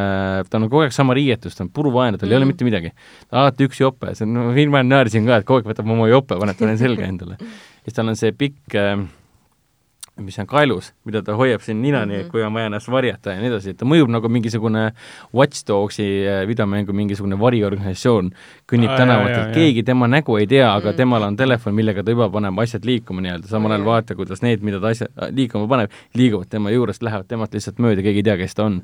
et väga niisugune in-, infiteerimistunne tekkis kogu aeg, et niisugune räme, räme boss, boss-värk tekkis vahepeal, väga niisugune spioonikas isegi kohati. Mm et äh, ma olen väga üllatunud, kui tõsise ja niisuguse väga niisuguse intelle-, intellektuaalse filmiga tegemist oli.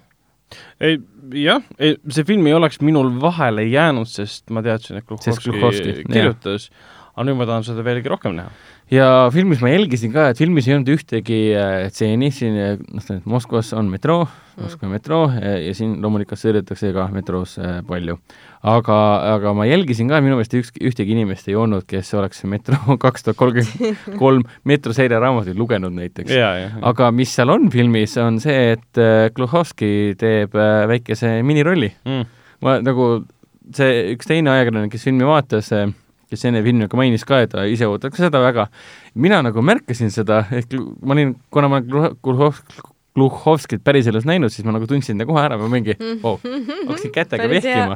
siis ma vaatasin selle ajakirjaniku poole, tema ei vaadanud minu poole, tema ei märganud mitte midagi, siis pärast küsisin, kas sa ei näinud seda, aa, see oli tema või mm.? jaa. ta tegi selle minirolli minirolli jah, et Gluhovski ise on ju üsna, üsna noor veel tegelikult mm,, see on kolmekümnendates äkki või?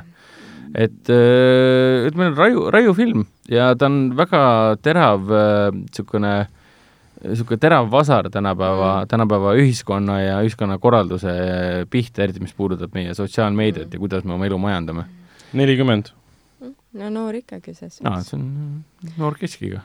et jah, kiidan, et kui, kui muidu ei kipu Vene action-filmi vaatama minema äh, Äh, kallid, kallid kolleegid või siis äh, kallid kuulajad, äh, sest tekib tunne, et noh, need on tavalised Holli-, Hollywoodikad, mis on lihtsalt vene keeles, siis see ei vasta küll kindlasti tõele, et minge mm, -hmm. minge vaadake sõnumit mm.. no selge, kindlasti võtame ette. aga meil on viimane film, millest rääkida, selleks on Doktor, Doktor Uni mis on siis äh, Stephen Kingi, mis oli seitsmekümne seitsmenda aasta romaani Shining ehk siis Hiilgus äh, ehk siis kohati oli eesti keeles pealkiri ka Surmahotell äh, mm -hmm. järjel põhinev, mille nimi on ka Doktor Uni, Doktor Sleep, põhinev film. ja ühtlasi on tegemist ka Stanley Kubricku tuhande üheksasaja kaheksakümnenda aasta filmi Hiilgus ehk siis The Shining järjelooga. muidugi jah, täpselt ja no, siin ongi see moment, et Kubricku filmi loetakse üheks kõige parimaks, paremaks siis õudusfilmi, mis kunagi tehtud on, pluss ta kuulub filmklassikasse, sest ta on Kubricku tehtud. ja sellele, kui idee tekkis, et teeme nüüd järjest, tundus nagu väga loll idee, et issand, kuidas sa saad jätkata, et sa teed Kubrickule järje, see on umbes sama, et sa teed kaks tuhat üks kosmose Odysseyale järje, mis ka tehti nii et äh, me mis on elame, elame selles see on, maailmas. see on päris asi. jah, aga see järg siis räägib sellest ähm, Danny Torrance'ist, kes oli see väike poiss, kes oli Jack Torrance'i poeg, ehk siis Jack Nicholsoni äh, tegelaskuju poeg. Äh,, kes nägi neid kahte tüdrukut, kes ütles, kutsus neid, kutsus siis poissi oma endaga mängima, aga olid surnud samal ajal ja kõik see. see on siis, räägib sellest, kuidas ta on suureks kasvanud, see on kolmkümmend aastat hiljem. teda kehastab nüüd siis äh, Evan McGregor. Ja mis elu elab see mees, kes lapsepõlves elas nii traumeerivad kogemused läbi Overlooki hotellis, mis ajas tema isa hulluks, noh, mitte hulluks võib-olla, Kubriku järgi oli see, et tal oli kurjus juba ke- hinges olemas ja siis võimaldas kurjusel välja tulla, ütleme nii. seda toonitati ka siin filmis, et ja. kui sa oled ikkagi elus äh, võidelnud teemonitega ja sa satud Jah. teemonlikku paika, mis, mis võimendab seda, mis Jah. on sinus peidus, siis noh, tulemus on käes. ja selle filmi puhul kindlasti ei tasu unustada seda, et see on tõesti, see põhineb päriselt ka Kingi enda tehtud raamatul, et see ei ole mingi Hollywoodi katse teha Kubriku filmile mingi abitu mõttetu järg äh,. Ütleme niimoodi, et Kingi raamat, mina pole lugenud seda, aga filmi põhjal võib öelda küll, et see on kapitaalselt täiesti teistsugune kui see, mis asi on Shining. Mis, mis õudusromaan ta oli, mis õudusfilm ta on, need on täiesti võrreldamatud.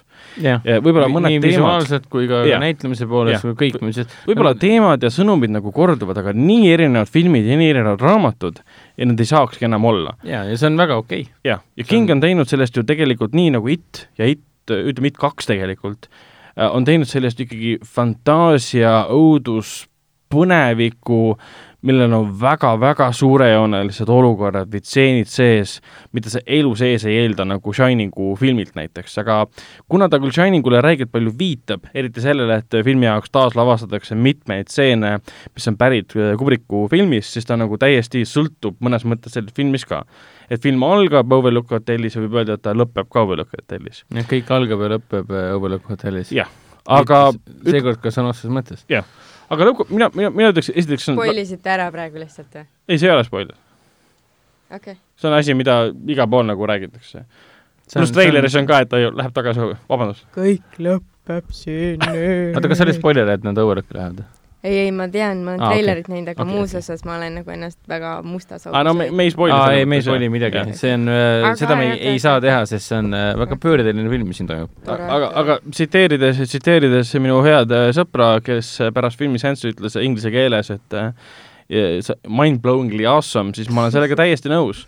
selles filmis on niivõrd ägedad olukorrad ja niivõrd ägedad stseenid ja niivõrd ägedad karakterid ja neid on pandud äh, näitlema niivõrd ägedad näitlejad, eriti mis puudutab nüüd Evan McGregorit. see tüüp pole minu silmis mm -hmm. pärast võib-olla Ameerika pastoraali olnud nii põ- põnev näitleja juba ammu jah, kui ta on nüüd., ta on alati olnud niisugune Evan Oh hello there McGregor äh, tänu nendele Star Warsi ma eellugudele just Ja- mõtlesin ka ja. nende memede peale tuhat tükki Oh, hello there. internetis. aga noh, see, see veits nagu madaldab tema väärtust, sest pa- Ameerika pastoraal, mida ta lavastas ja siis ise, ise mängis ka, ei, ta on väga Oli- hea, oli väga hea. andekas, andekas inimene aga see film kestab kaks ja pool tundi, ta on mingi kolm minutit pikem kui esimene Shining. Ja see paneb niisuguse tunde, et, et sa näed kõik varjundid, kõik, kõik küljed ära, mis McGregoril kui näitlejal pakkuda on. et ta sunnitakse kõike absoluutselt läbi elama ja sa näed, mis, milline on tema selline äh, näitleja võimekuse kaar, et mis ulatustesse ta võib minna põhimõtteliselt.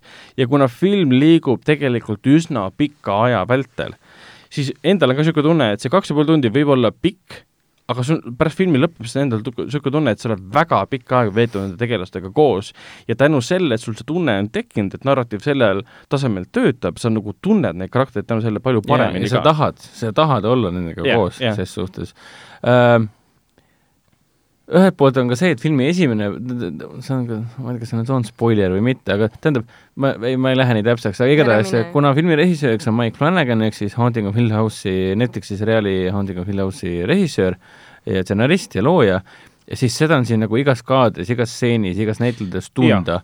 Et sa et kuna, kes on näinud seda seriaali, kes ei ole, ma olen sellest nii palju rääkinud siin see podcast'is ka, et äh, tegemist on siis ääretult äh, Mike Flanagani ja, ja on kiidetud nii selle seriaali kui ka te- tema eelmiste filmide mm, pärast selle poolest, et ta ei tegele labase hirmutamisega, vaid ta tegeleb sellise väga psühholoogilise inimliku ta horroriga. annab äh, horrorile psühholoogilise põhjenduse kõigepealt, miks ta tekib. Ja Jah, kui ta tekib, siis sa saad aru, et see, see koll või see vaim või see ehmatus äh, tulenes sellest äh, mingisugusest traumast enne. et, et kui sa oled nagu Flanagani töödega kursis, siis, siis, siis sa enam-vähem tegelikult juba tead, mida sa mm. ootad, mida sa võid oodata doktor Unest.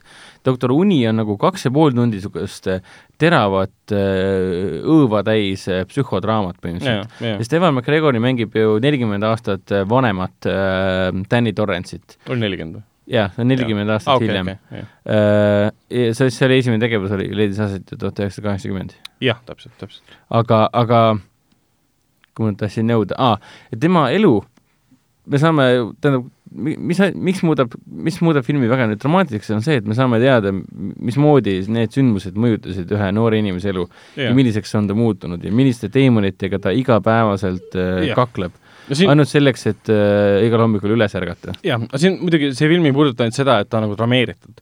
ja see, see on väga tähtis pigem, osa muidugi. pigem see, ja seda ka, aga lihtsalt King läheb selle asjaga edasi äh,, äh, raamatus ka ja niisiis filmis ka, et mis siis Shiningus juhtus tegelikult. jaa, ta püüab selgitada, mida tähendab ta, ta loob selle ümber sellise fantastilise maailma. ikka tahate ära rikkuda kus on kõik, teatavad jah. elemendid ja sa saad aru, et see ei ole enam see õudusfilm, mis ma kunagi nägin, et ta on nüüd suurem, suurem, suurem, suurem, aga suurem. me ei pea nii täpseks minema, et ja. mida ma enne Helenile mainisin ka seda, et äh, King äh, erinevalt paljudest teistest äh, filmitegijatest või režis- äh,, kirjanikest saab väga hästi aru, mis teeb järjest järje. et siis äh, Shiningu järg Doktor Uni, no antud juhul ka siis filmi kujul, ei ole mitte kuidagi lihtsalt mingisugune Overlooki hotelli järjelugu. jaa, seda küll. selles mõttes, et see Overlooki hotell ja kõik, mis seal toimus, hotell ei puutu asjasse ju tegelikult filmis. Eh, mis olid see Tor-, isa Torrents ja kõik see, see on pigem niisugune inglise keeles on see afterthought ehk siis eh, järelmõte lihtsalt. see on asi, mis juhtus ja see nüüd mõjutab seda, mis ja, nüüd juhtub mm., aga see ei ole sellest sõltuv. siin on nagu nii palju üllatusi, sul on ja. nii mõnus on vaadata pikka filmi, kus on nagu äh, ei suuda see... kohe välja mõelda, kuhu see nüüd välja jõuab. see on see, et sa vaatad, nii, vaata, veider asi, mida öeldakse, Helen. Eh,, nii mõnus on vaadata pikka järjefilmi, kus sa ei tea, mis asi, mis juhtuma hakkab. Sest noh, sellist lauset ei saa ju tihtipeale välja öelda, sest mm. järjefilmides on pigem see, et nagu Zombieland kaks mingi, no ma, no, no, ma saan aru, kuhu see välja jõuab, et aa, lõpus saate perekondadel. Oh,. aga siin sa näed, et noh. Gregori äh, karakter siis Danny midagi teeb juba pool tundi, sa mõtled, nii? Nii, mis, mis nüüd siis tuleb, ma tahaks teada. filmi, filmi keskel mingi oota, aga mis nüüd siis? ja si-, ja siis, kui need asjad nagu tulevad ja see, kuidas Flanagan on leidnud nendele väga ägedad visuaalsed lahendused, siis sa vaatad umbes niimoodi, mõtled, kurat, see on äge. see on, see on lihtsalt äge. Ice Sense'i saalis vaatad, vaata, vaata pehmed toolid lähevad mm -hmm. natuke allapoole ka ja siis samamoodi see eh, mõned stseenid tulevad peale, hakkavad aeglaselt arenema, siis eskaleerub, siis on lihtsalt niisugune tunne, et sa lööd oma suurest ehmatusest, joovastusest oma selja vastu seda Äh, seljatuge lihtsalt vaatad, oh sa raisk, mis toimub yeah, mis toimub, mis toimub. jah, absoluutselt. ja ta on samal ajal, ta on korralik õudusfilm ka aga, aga ta ei tööta enam nagu ega ma ei tea, ega esimene Shining polnud ka nagu mingi maailma õudsem film mm -hmm. tegelikult, ta on pigem nagu, seal on häirivad stseenid ja mm -hmm. kaadrid. siin samamoodi. aga ta on teistmoodi häiriv, ta on kuidagi, kuidagi üritab sulle naha alla pugeda, mitte läbi selle, et pimedas keegi teeb koledat häält vaid teed see, et sa mõistad, mida see õudus tähendab, kust see tuli. ja see on noh, Flanagani selle Hill House'i puhul täpselt samamoodi. et jaa, me olime nagu väga üllatunud, et see on väga äge film. ma, kuigi ma olen kuulnud inimestelt, kes on raamatut lugenud, et ta oleks võinud karaktereid rohkem avada ja see sündmus oleks võinud palju huvitavamad olla. siis oleks mingi neli tundi kestnud enam. võib-olla tõesti, aga mina, kes ma pole raamatut lugenud. ma sain aru ka, et raamatus nad lõpus ei jõuagi Overlooki jah, see on mingi suured ja. erinevused. ja muidugi me ei saa ju mitte rääkida sellest, et see, mis selles treilis, treilis on ka näha, et filmis on ju sada protsenti taasloodud täpselt samad identsed äh, mm, koopia stseenid, kaadrid, mis ka Shiningus olid. seda aga... oli väga friiki vaadata. isegi see veretseen, et noh, see ei ole spoiler, kui see, see mhm. veretseen tuleb välja, vaatad ja vaatad ja siis lõpus hakkab see tool ka liikuma tänu selle veretulvale mm. mingi, see on täpselt sama. ja see ongi see, ma polnud kindel, kas nad võtsid kaadri lihtsalt Kubriku filmist ja, või tegid uuesti, siis see nägi identne välja, ma pean koju minema ja vaatama uuesti lihtsalt seda mm. kohta. aga viimane asi siis, veel rohkem vist ei räägi doktor Unest. ei, ei tahaks. kas sa räägid Tahaks- järgmises saates äkki räägime siis yeah. pikemalt Jah. yeah. spoileri sessiooni koos Jah. Heleniga Jah. aga ainuke asi, mis ma veel mainiks, on see, et Rebecca Ferguson jaa. Oo jaa, oh come on jaa. nagu ta mängib Rose the Hat'i meile seda tegelast, mis tundub Ära rohkem räägi. mis tundub Jah. rumal, esiteks. jaa mis iganes, mis iganes, ei, ma, ma ei. spoil'i, aga kui sa vaatad seda treilerit ka, tundub, et nagu oota, kes need no tegelased ta on mingi, mingi paha tuleb ja siis Jaa. no, ma tahan Et sind endale oleks mõni teine režissöör olnud, see oleks muutunud väga jaburaks, siin oli see, et nagu te olete ägedad, ma tunnen teile kaasa, te olete lahedad, tähendab, kõik, mis Ferguson teeb, mõjub nagu äh, kohati väga napakalt ja väga liiga naljakalt, aga tänu selle filmi tonaalsusele ja režissööri tööle ja näitleja tööle see mõjub umbes niimoodi, et mingi see on väga stiilne. tee Jaa. veel, tee veel palun, tule tagasi, ära kaadervahetus ja Rebecca Ferguson ei ole Jaa. enam, siis tekib see tunne, et nagu kus sa läksid, tule tagasi. see on mingi mustvalge, mingi paha, et ma olen paha, sest ma olen paha. Neil oli taust antud, neil oli süsteem antud. jah, ei, see, see ei ole spoiler, see on lihtsalt selgitus, et ta on head karakterid. erinevalt paljudest teistest õudusfilmidest, kus sa nagu, no kas või It kaks, et noh Jaa., me tegelikult selle Pennywise'i taustaga loo saime nagu teada, aga nagu mingit sümpaatiat väga ei tekkinud, aga siin on Mhm. nagu vastupidi, et sa nagu vaatad ja nagu aukartus tekib selle Fergusoni tegelase suhtes Jah. mingi I respect you what you do but I don't disagree with you, et noh, English. las ta siis No nüüd okei. olla. English ta, las ta, las ta jääda. no selge, oot, oot, ma austan seda, mida ta teeb seal filmis, see on küll väga vale. see on suht vale, jah. see on väga, väga sa mõistad seda, mida ta teeb.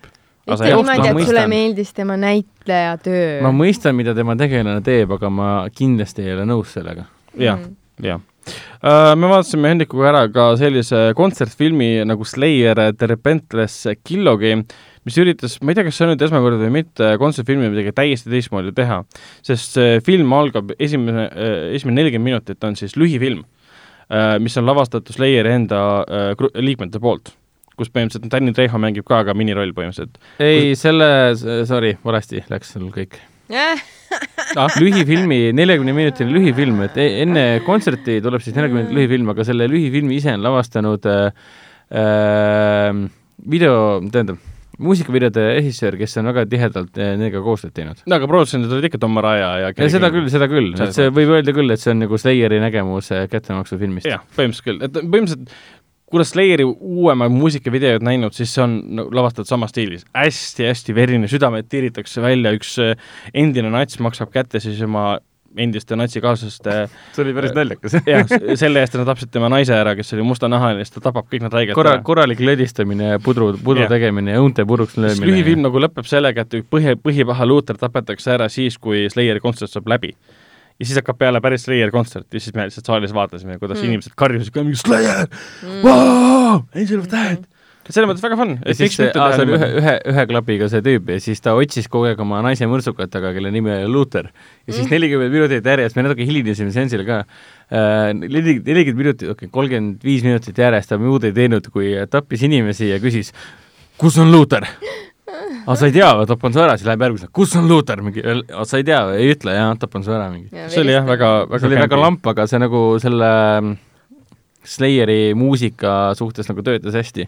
ja kontsert ise oli ka päris, päris raju, parimad palad tulid esitamisele ja see oli Nojah. kõrvulukustavalt äh, Slayer. rahvas, rahvas, rahvas nautis ka. vot, kuule, sellega said meie filmikogemused läbi, räägime ka mõnest, mõnest uudisest. Kuna PÖFFi kava on põhimõtteliselt kõik väljas meil salvestamise päeval, tegelikult nüüd siis reedel tulevad kõik ülejäänud filmid välja, kuna mõned programmid on veel puudu aga nii palju saame rääkida sellest näiteks, et ähm, Robert Pattinsoni film äh,, kus on peaosas veel ka siis äh, Willem Dafoe, mille lavastas Robert Eggers, kes tõi meieni väga laheda õuduka The Witch või VV Witch. tema uus film siis The Lighthouse tuleb ka PÖFFile, ta on siis kuueteistkümnendal novembril äh, Coca-Cola Plaza Ice and saalis kell üheksa. Sinna saab juba praegu piletid osta. ja hiljem ta tuleb siis tegelikult ka Sõprusesse, kus vahepeal pandi seansse juurde, ta alustab siis seitsmendal detsembril ja jookseb praegu siis kuueteistkümnenda detsembri, ei, mitte kuueteistkümnenda detsembrini, ta on seitse, seitsmendal, kaheksandal, neljateistkümnendal ja viieteistkümnendal. jah, et sul on neli korda on hetkel võimalus siis äh, pärast PÖFFi äh, vaadata Lighthouse'i. jah, see on selles mõttes, no see harukordne ko- juhum, ma ei tea, kas see on harukordne PÖFFi puhul või mitte, et üks film aastas ainult ühe korra. ei ole aru, ei ole, ei mitte, ole. What we mitte. do in the Aga- shadows oli ka minu arust ainult mingi ühe või? paar korda Aa, ja, küll, ja okei. aga meil jäi see film Cannes'is vaatamata ja, ja ma ei suuda ära oodata, et ma saaksin lõpuks äh, seda väga äh, harjumatu formaadiga äh, ja, ja, ja heli ja pildiga filmi tänapäeva mina jumaldan kolm-neli formaati, Ei, ma päris- lihtsalt oota, jumaldan. neli kolmele vist oli ikka. Neli kolmele, jah, jah. aga kuna see on nagu ruut. mustvalge, sa Mulle vaatad seda treilerit ka, et see heli tundub nii äge seal, see Mm. mingisugune visuaalne maailm, mis seal toimub, et lihtsalt suures saalis vaadata seda kõike. õrna aega, mis seal filmis muidugi toimuma hakkab. Mhm. Äh, aga noh, PÖFFil saame veel, rääkida seda, et näiteks Öiste värinate programm, mis põhimõtteliselt on siis žanrifilmid, õudusfilmid, siin on päris äh, palju huvitavat kraami, sinna hulka kuulub ka tegelikult siis äh, Majakas, Majakas ka, aga näiteks ka selline film nagu On The Lodge, kus mängib siis Riley Keough ühes peaosas, Kiu. Mille reisjöörid on siis äh, paar, kes tegi ka Good Night Mommy äh, Austria õudusfilm, mis linastus mõned aastad tagasi PÖFFil ja neile siis äh, uus film on siis Hollywoodi film nii-öelda äh, millest on väga pikalt räägitud, ta siin Torontos või Sundance'il linastus ja kõik seda väga sügavalt ka kiitsid. lisaks äh, Öiste värinate programmis näitab sellist, näeme sellist filmi nagu Jeesus näitab teed kiirteele, mis on nii-öelda poolenisti äh, poolenisti Eesti film, lühifilm siis, oota, oota, ma vaatan, kas ta oli Ei, ta oli täispikk ikka. ikka oli täispikk jah, miks ta on mul meeles. tund kakskümmend kaks, ikkagi täispikk jah. Ma selle Eesti, Hispaania, Etioopia film. väga vahva äh, treiler oli ja, ja, ja väga huvitavad äh, loojad on filmil taga. ma absoluutselt. mõtlen just riike. ja Öiste värinate programmis näiteks tuleb näitamisele ka Baskin, mis tegelikult on nüüd kahe tuhande viieteistkümnenda aasta film, seda näidati kaks tuhat viisteist nüüd HÖFFi läks. Me vaatasime seda HÖFFi ajal. see on siis, issand, ma väga, hääldan väga valesti, Can Evreneloli film. see film tuuakse siia ainult sellepärast, et tema uus film, see oli Ilma suuta tüdruk, on siis PÖFFi põhivõistlusprogrammis. sellepärast näitame, näidatakse tema varasem film ka ära äh, ega siin äh, noh, teisi filme ma kohe niimoodi esimese hooga, kui ma nende kohta ei, ei juuri nüüd täpsemalt väga ei tea uh,. mida ma veel oskan öelda, et siin oli uh, aa, Jojo Rabbit, Taika Waititi Jojo Rabbit tuleb PÖFFil näitamisele.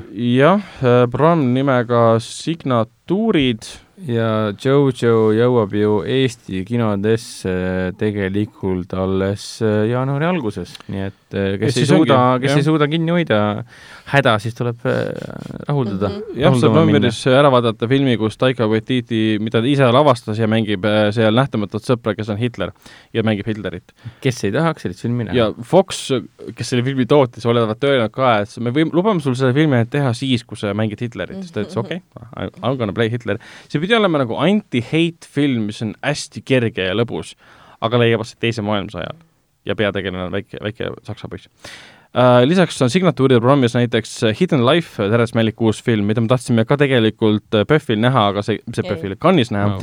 aga see kestab mingi, issand, ma vaatan, mis see täpne eh, pikkus tal on, väga kaua igatahes. ta on kaks tundi viiskümmend kolm minutit. et lihtsalt Cannes'is oli seda võimatu, võimatu näha. Seda kavatsen mina kindlasti vaadata.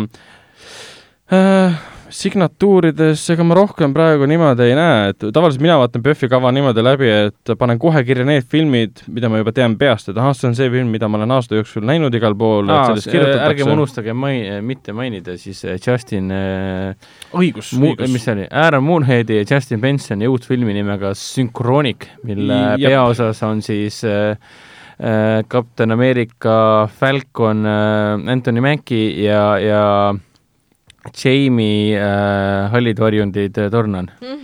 täpselt. tegemist on siis ulmefilmiga, mida on nagu juba väga ohtralt erinevatel filmifestivalidel äh, kõvasti kiidetud. Äh, jah, selles mõttes on huvitav, et need kaks, kaks tüüpi on teinud, ma mõtlen, kolm filmi või? Resolution, siis. Spring. oli Spring ja siis oli see Endless. ongi Jah. kolm filmi ja kõik olid mega madala eelarvega, võib-olla mitte Spring, sellel oli võib-olla oluliselt suurem eelarve.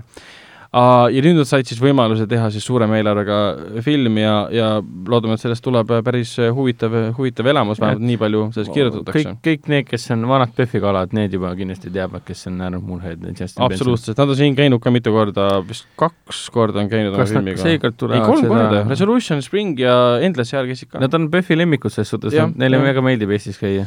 vot uh,, ma kindlasti mainiks ära, et uh, Doc et PÖFF programm, mis on dokfilmid, siis tasub kindlasti ära vaadata, mis see oli, Mee maailm või mis selle filmi oli? Honey, Honeyworld või? Meemaa, täpselt, Meemaa. Honeyworld, mida, mille kohta ma lugenud, et on su-, suurepärane dok olevat olnud, see oli siis Sundance'il linastunud. ja selline film ka nagu kindlasti The Cave, salajane, salajane haigla. ja siin neid dokke on kindlasti veel, aga ma ütlen, kuna kava on väga värske, ma jõudsin seda alles täna lugeda, kuna see tuli värskelt välja, siis ma ei ole väga süv-, süvene, süvenenud sellesse, et mis filmid need täpselt on, kust need kõik on tulnud et mina tavaliselt valin selle järgi, et kui ma tean kaudselt nende kohta midagi või siis lihtsalt loen nende kohta, vaatan treilereid, et näha, kas see on film, mis mul potentsiaalselt, potentsiaalselt võib meeldida. või siis mõnikord hüppan lihtsalt peaga ees nagu tõmmatusse vette ja vaadata, kas ma jään halvatuks või mitte. Enamalt ma olen jäänud, satun kolmetunnise Hiina filmi peale ja ma mäletan miks- seda nii visuaalselt, kuidas me reaalselt poolteist tundi mõtlesime, lähme nüüd ära, lähme see, nüüd ära. aga see film oli visuaalselt jumala ilus. oota, mis film see oli? ei ei mäleta. mäleta, väga õige kolmetunnine Hiina film või? aga seal olid veel külalised ka kusjuures. jaa, oli küll jah, jaa. ma ei mäleta, mis see oli, see mingi krimka kas mind ei olnud või? ei olnud. keegi välismaalastest oli meiega, ma ei mäleta, kes. jaa, ei mäleta tõesti. No ma ta-, jah, siin okei okay,, ma tahtsin värsket hoovust äh, programmi vaadata, aga seda ei saa praegu vaadata, viskab esilehele. et põhimõtteliselt PÖFFi kavast me saame täpsemalt rääkida järgmisel mm. -hmm. nädalal ja PÖFF tegelikult algab juba järgmisel hakkab järgmine nädalal. reede. viisteist on ava mm, -hmm. avafilm, avatseremoonia, kuhu saab igaüks endale pileti osta mingi vii- viieteistkümne euro eest. et see selles mõttes ei pea ootama kutseid kuskilt. ja avafilm, jah, vaatame, vaatame, mis see avafilm oli mm. -hmm. hea küsimus tõesti, ma isegi oh,. kuna noh, seekord on PÖFFil siis äh, Araabia fookus, avafilmiks on film nimega Aadam Hmm. äh,. Mariam äh, Douzani film äh, Belgia-Prantsusmaa, Maroko. ja aa, õigus, Screen International äh, kriitikute äh, valikuprogrammis äh,, tavaliselt ma tean hästi paljusid filme sealt. aga nüüd ma vaatan, ma tunnen, tundsin ära ühe filmi ainult, mis oli Cannes'is ka väga kõvasti premeeritud äh, Põleva tütarlapse portree. Portrait of a Lady in Fire, see oli pea-, põhivõistlusprogrammis seal Cannes'is. jah, jah. vot, aga niisugune oli siis äh, esialgne hästi kiiresti üle vaadatud PÖFFi kava, et filme on kindlasti väga palju, mida vaadata, igaüks peab tegema omaenda subjektiivse valiku. et mõni ei vaata meelega sõjafilme, mõni ei vaata meelega araabia filme, mõni ei vaata meelega Bulgaaria filmi, aga samal ajal PÖFFi eelis ongi see, et siin on iga, igale maitsele igaühele midagi. vot, aga selle noodi pealt äkki läheme edasi filmi ah,, ma mainin ära ka nädalavahetuse top kolme äh,. Eestis oli siis perioodil esimesest novembrist kuni kolmanda novembrini oli Terminaator sünge saatus mm, esimesel kohal. see on siis kümne tuhat, üle kümme tuhat üheksasada kakskümmend seitse vaatajat. ta oli ka maailmas esikohal, aga see ei tähenda, et ta läbi kukkunud, ta kukkus ikkagi läbi. teisel kohal on endiselt Jokker, mis maailmas on tagasi teeninud midagi üheksasada viiskümmend miljonit juba, arvatakse, et nüüd paari nädalaga on miljard käes ja nüüd käivad juba jutud, et äh, äh, Joaquin Phoenix ütles, et äh, et kui Todd Phillips tahab, siis ma teeks järje. ja nüüd praegu mingid kuulujutud käivad ja Warner Brothers mingi, aa, nad planeerivad praegu vist äh, uut R-rated nagu filmide liini mm., mis hakkavadki rääkima DC Comicsi tegelastest, aga ta on hästi radikaalsed ja teistsugused, nii nagu Jokker, ehk siis R-rated. ehk siis sellega põhimõtteliselt ju üritavad kaotatakse ära selle jah. filmi enda väärtus mm. -hmm. et kui nüüd tuleb mingi Bane'ist film näiteks, samasugune, siis nagu kus ta on suur mingi musklimees, R-rated mm -hmm. ja tapab inimesi, siis on veits on see, et ah, te tegite ta sellepärast, sest üks oli edukas ja nüüd tuleb kümme tükki otsa ja kas see on siis see, mis me tahtsime tegelikult, tegelikult mitte. ja kolmandal kohal oli Pahatar kurjuse, kurjuse käskijanna, mis, mis, millest me rääkisime päris pikalt Jah. nüüd kaks saadet tagasi vot äh,, filmisoovitused äh,, räägime kinoklassikast äh,, novembri nüüd kolmapäevadel jookseb muidugi esimene Terminaator, mida meie ruttame ka kindlasti vaatama, sest me ei ole kunagi seda kinos äh, näinud. vahepeal oli väga suur, suur, suur uudis muidugi see, et äh, detsembris saab näha äh, iganädalaselt äh, kolmel erineval, päeval siis äh, kõiki kolme Sõrmuste isanda filme. Sõrmuste isand, Sõrmuse vennaskond, Sõrmuste isand kaks kantsi, Sõrmuste isand äh, äh, kuninga tagasitulek ja need on veel pikendatud versioonid, mis tähendab seda, et need kõik on umbes tund aega pikemad. Mida mina olen sada korda vaadanud, iga aasta vaatan uuesti neid jumala head filmid. aga vahe on selles, et keegi meist eh,, eh, tähendab mina ja vend ei ole siis ju tegelikult, noh, Helen ka mitte, ei ole ju neid filme pärast kahe tuhande esimest, kahe tuhande teist ja kahe tuhande kolmandat aastat uuesti näinud. kinos- kinos, kinos kindlasti kinos- kinos ei ole jah, selles täpselt. mõttes ma ei jõua ära oodata, selles Mhm. mõttes mul on, ma broneerisin juba piletid ära, et neljandal Mhm., viiendal, kuuendal Iceland saalis kell seitse Nice. ja siis nagu, mis on kolmapäev, neljapäev, reede ja siis kolm õhtut järjest lihtsalt istud kinosaali esimene osa kestab ju siis pikendatud versioon kolm tundi ja nelikümmend kaheksa minutit, Nice. kõigest. teine osa on natuke pikem, kolm tundi ja viiskümmend viis ja viimane oli minutit, neli tundi ja mingi viisteist minutit. kakskümmend kolm minutit. Nice, et, et eh, kõik on peaaegu täitsa rets ikka. ikka väga rets, noh, selles mõttes need on, need on nagu vaieldamatult äh, suurepärased, iga, igas mõttes suurepärased filmid. jaa, see on tõesti unistuse teose, teoks viimine praegu, et seda Jaa. saab nüüd detsembris vaadata. kindlasti tasub ära mainida siis, see on siis ikkagi kinnitatud nüüd, et millal jaa, maraton toimub. toimub äh, ka maraton selles suhtes, et äh, nii esilinastused on siis Coca-Cola Plaza's äh, neljandal, viiendal ja kuuendal, vastavalt siis päeval on siis esimene, detsembril. detsembris, detsembris ikkagi Mhm. jah. kas praegu, muidu oleks juba möödas. no vot, täna, jah, no täpselt. me räägime siis ainult detsembri kinoklassikast, milleks on siis Nii, Sõnumtisena vot. triloogia. esimest, teist ja kolmandat saab näha siis neljandast kuni kuuendani, ehk siis neljandal esimene, viiendal teine ja kolmandal yeah., kuuendal kolmas. Siis kordub äh, Plaza's äh, seansid korduvad siis iganädalaselt äh,, saab näha siis kogu triloogiat, aga äh, detsembri viimasel nädalal toimub siis eraldi eraseanss äh,, eraseanss selles mõttes, et see on tohutu maratonseanss, ehk siis kahekümne seitsmendal detsembril tuleb siis kogu päeva ühes Coca-Cola Plaza saalis äh, toimuv maraton, kus sa saad hommikust ööseni äh, vaadata kõiki kolme järjest. kell üksteist viisteist hetkeseisuga algab kell üksteist viisteist, piletid ei ole veel müügis, aga tulevad kindlasti õige pea juba. veits üle kaheteistkümne tunni jutti vist või? No mis ma siin ütlesin praegu kolm nelikümmend kaheksa pluss kolm viiskümmend viis pluss neli kakskümmend kolm. milles probleem veits üle on? viisteist tundi umbes. pluss pausid ka sisse, pooletunnised vahed on ju ka siis ongi kakskümmend tundi pluss muidugi esimene osa on tegelikult äh,, kestab nii kaua sellepärast, et see lõputiitrid kestavad kakskümmend minutit. no ja sellega peab arvestama, et juba siis saab pausile minna. ma olin alguses veits segaduses ja tegelikult pikendatud versioon kestab esimesel kakssada kaheksa minutit. Jah. Aga siis ma mõtlesin, et okei okay,, et meie pikendatud versioon on kakssada kakskümmend kaheksa, et kus see erinevus siis tuleb, miks ta nii pikk on? ja siis tulebki välja, et mingid äh, suurimad äh, lotri fännid olid siis äh, stuudiole levit-, pinda käinud, et nad paneksid nende fänni äh,, fänni credits'id ehk siis Hmm. lõputiitrid paneksid sisse mm. -hmm. paneksid neid sinna sisse. nüüd ongi kakskümmend minutit fänne. lihtsalt fännide nimed niimoodi. ehk siis põhimõtteliselt, kui, kui, kui esimene sõnumtisend lõpeb, Annie Lennox lõpetab oma laulmise seal ära, sa võid kohe minna sööma, mis iganes ja minna pärast teisele, ehk siis ja sul on põhimõtteliselt pärast, pärast Annie Lennoxi laulmist, sest enne seda ei tohi minna, come on ja nagu.. see on loogiline, kui sa vaatad esimese või teise või kolmanda sõnumtisenda ära, sa lähed alles siis ära, kui äh, laul on lõppenud. jah, et mul noh, on hea meel, et me oleme samal pardal. jah, absoluutselt. ja see on- ja maraton siis kahekümne seitsmendal, sest muidu nii neli, viis, kuus on siis esimest korda võimalik, siis äh, detsembris äh, saab vaadata siis kahel järg-, järjestikusel nädalal jälle kolm osa järjest ja siis kahekümne seitsmendal on siis suure pauguga lõpetada see aasta ära, vaadata siis äh, terve päev äh, sõnumsisenda triloogiat. samamoodi on meil ka kinoekraanis äh, tuleb näitamisele kolm osa järjest äh,, tuleb näitamisele üheksandast kuni üheteistkümnenda detsembrini äh,. kinoekraanis toimub siis kaks äh,, kaks korda saab vaadata triloogiat, siis üheksandast üheteistkümnendani ja kahekümne seitsmendal toimub siis ka maratoni näitamine kinoekraanis. Nii et siis kahes äh, Foorum Cinemas kinos korraga saab vaadata detsembrikuus jõulu, võib öelda küll, küll nii, et parimat jõulufilmi ever.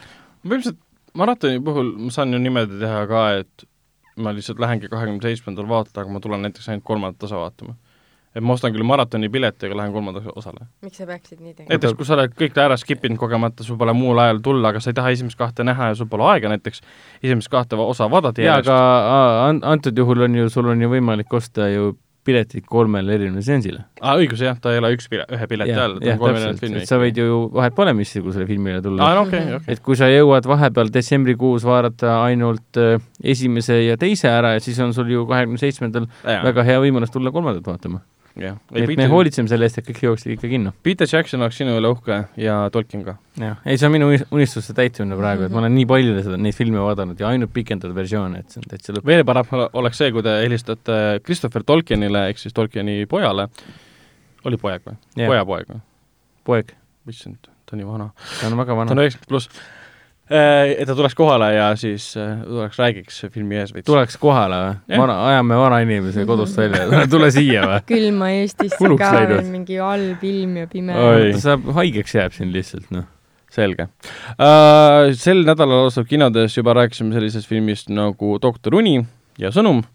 lisaks tuleb veel Üheksas ohver ja muidugi Roland Emmerichi suurepärane film Midway lahing, mis suurepärane, ütlesin veits võib-olla sellised sarkastilised, sest see on, see on Teise maailmasõja äh, film, mis on veits nagu Michael Bay Pearl Harbor. aga see literaali leiabki aset pärast Pearl Harborit? jah, selles mõttes ma ütlesingi, et ta on nagu Michael Bay Pearl Harbor, et kui sa vaatad treilerit ja sa oled kaudselt kunagi näinud Pearl Harborit või mäletad sellest palju, siis võib jääda mulje, et Roland Emmerich tegi Pearl Harborist remake'i. ja siin on ikka nagu Woody Harrelson, Dennis Quaid, Ed Skrein uh,, Luke Evans. no Ed Skrein ei ole nüüd mingi no jah yeah,, but still, et noh. Ja, ja aa, ma mainin selle üheksas, üheksanda ohvri kohta ka, et see on vene keeles on Devjatova, või noh, ma ei oska hääldada, Devjatova, jah, midagi sellist.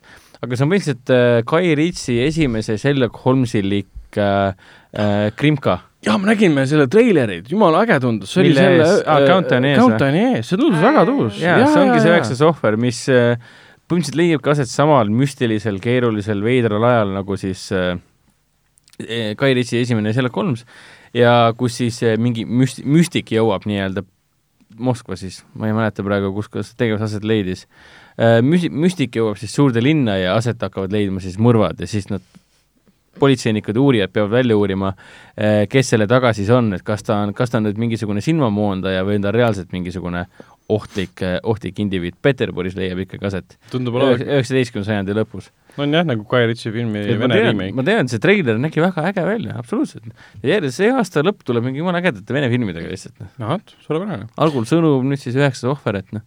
vot uh,, mainime kindlasti ära ka selle, et kolmeteistkümnendal saab näha Shakira in kontsert Eldorado World Tour kuhu mina kavatsen minna. mina ka, mina ka.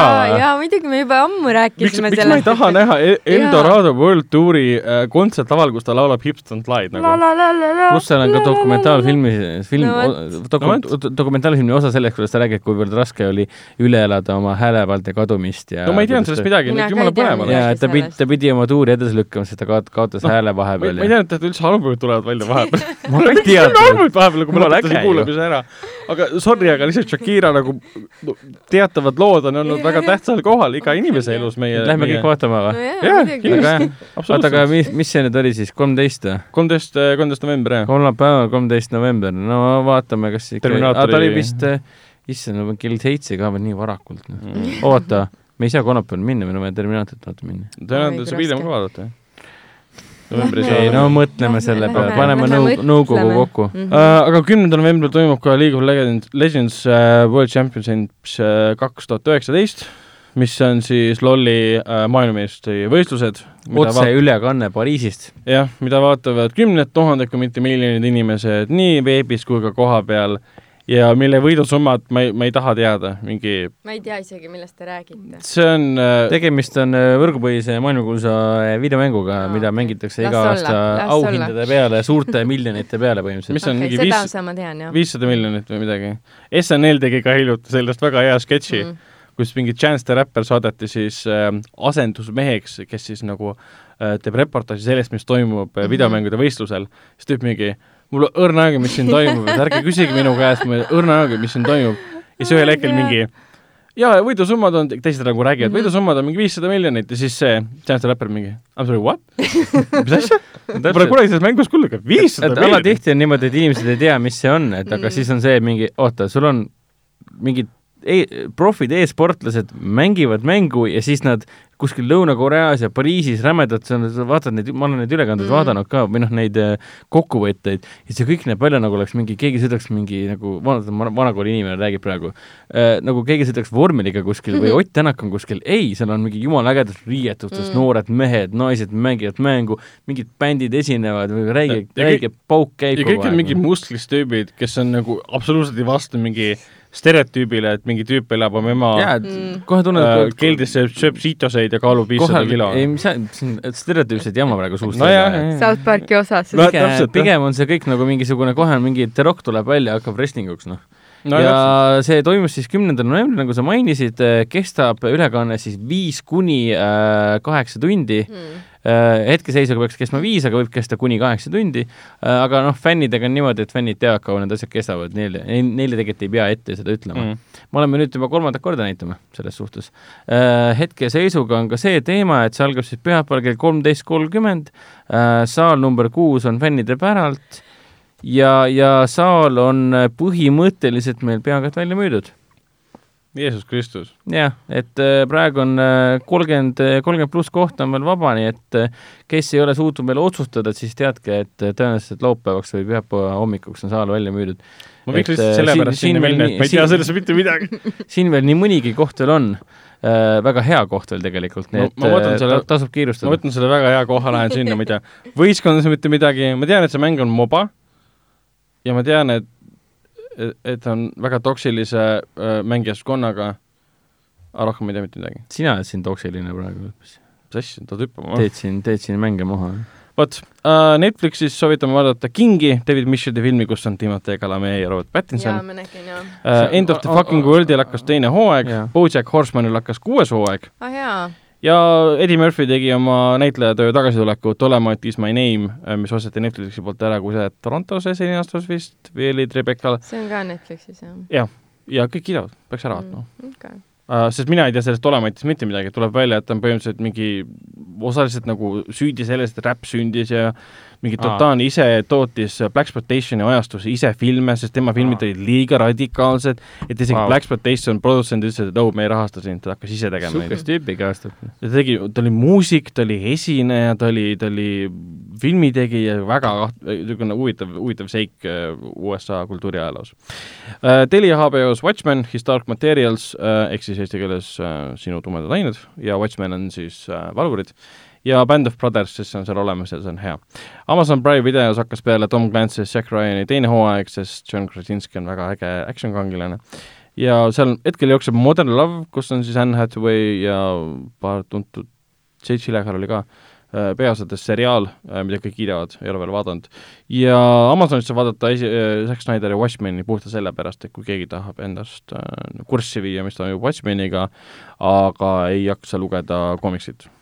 vot, sellega saame saatele joone alla tõmmata. jah, oli, oli väga meeleolukas. absoluutselt, väga palju filme oli seekord, väga Mhm. palju sai rääkida, üle kahe poole tunni ärge siis unustage, et äh, doktor Uni võtab teid nüüd vastuvõtule. äh,. jätkuvalt see pealkiri ei ole hea. doktor Uni. sa tahtsid siis Hiilgus kaks doktor Uni või? ei, lihtsalt Ilgus kaks. mis iganes, aga doktor Uni kõlab, kõlab nagu mingi, see kõlab ju halvasti, nagu Noorm- lapsed ütlevad, et ta, Jaa. ta on mingi doktor, mingi kuri, noh. nagu doktor Norman oleks comeback'i teinud ja Jaa, võtab doktor Uni nimeks, see on nagu mingi Kanal kahe saade, kus on mingi doktor Vassiljev ajab mingit jura suust välja, siis sa vaatad oled, seda sa oled, sa mõtled oled ju filmi näinud, sa tead, miks ta doktor Uni on. Te olete vaadanud, hakkab pihta ikka, lõpus tuleb ära seda onju. doktor Vassiljevi saadet vaadanud või? jaa. nagu Tallinna Televisioon pandi kinni, tüüp lihtsalt kolis kana-, on vist Kanal kaks või? kolis sinna üle, ajab mingit siukest kelbast suust välja. ja inimesed helistavad, enamus on kas lapsed, kes teevad nalja, ülejäänud on purjus inimesed ja mõned on lihtsalt nagu, neil on päris probleemid. mis kuradi pärast sa Vassiljevile helistad või telekasse helistad, mine arsti juurde. sa kuulad seda juttu ja mõtled, et mul on häbi, kas eestlased on tõesti nii lollid või? jep. ja see, kes see on Vassiljev, ma pean guugeldama hakkama. ma olen seda lõusta näinud igal pool, aga come on nagu. Eesti, Eesti kanalit on nagu pakutav. helistama ja küsima, kuule, kes sa noh, mul on oled. niisugune tunne, et ma kurat, ma hakkan Rannamaja vaatama, see on, sai läbi ka, kurat, ma ei saa seda ka vaadata, ei saab ikka, see on järelevaatamine ka. lihtsalt, see on niisugune, see on nii raske. kohutav saast, et niisugune tunne, et lihtsalt hakkaks Rannamaja vaatama. et seal vähemalt on niisugune nagu selles mõttes lollid inimesed, nad lihtsalt nagu näitavad ennast ja on lihtsalt kolmsada lollid, ei, ma ei hakka, ma ei hakka ennast. aitab. ma pigem vaatan Lähme mingit muud asja. äh, sinna, kus on kodu. vot, vot, vot, vot, selge, aga järgmise korrani, aitäh, et tulite, tšau. tšau.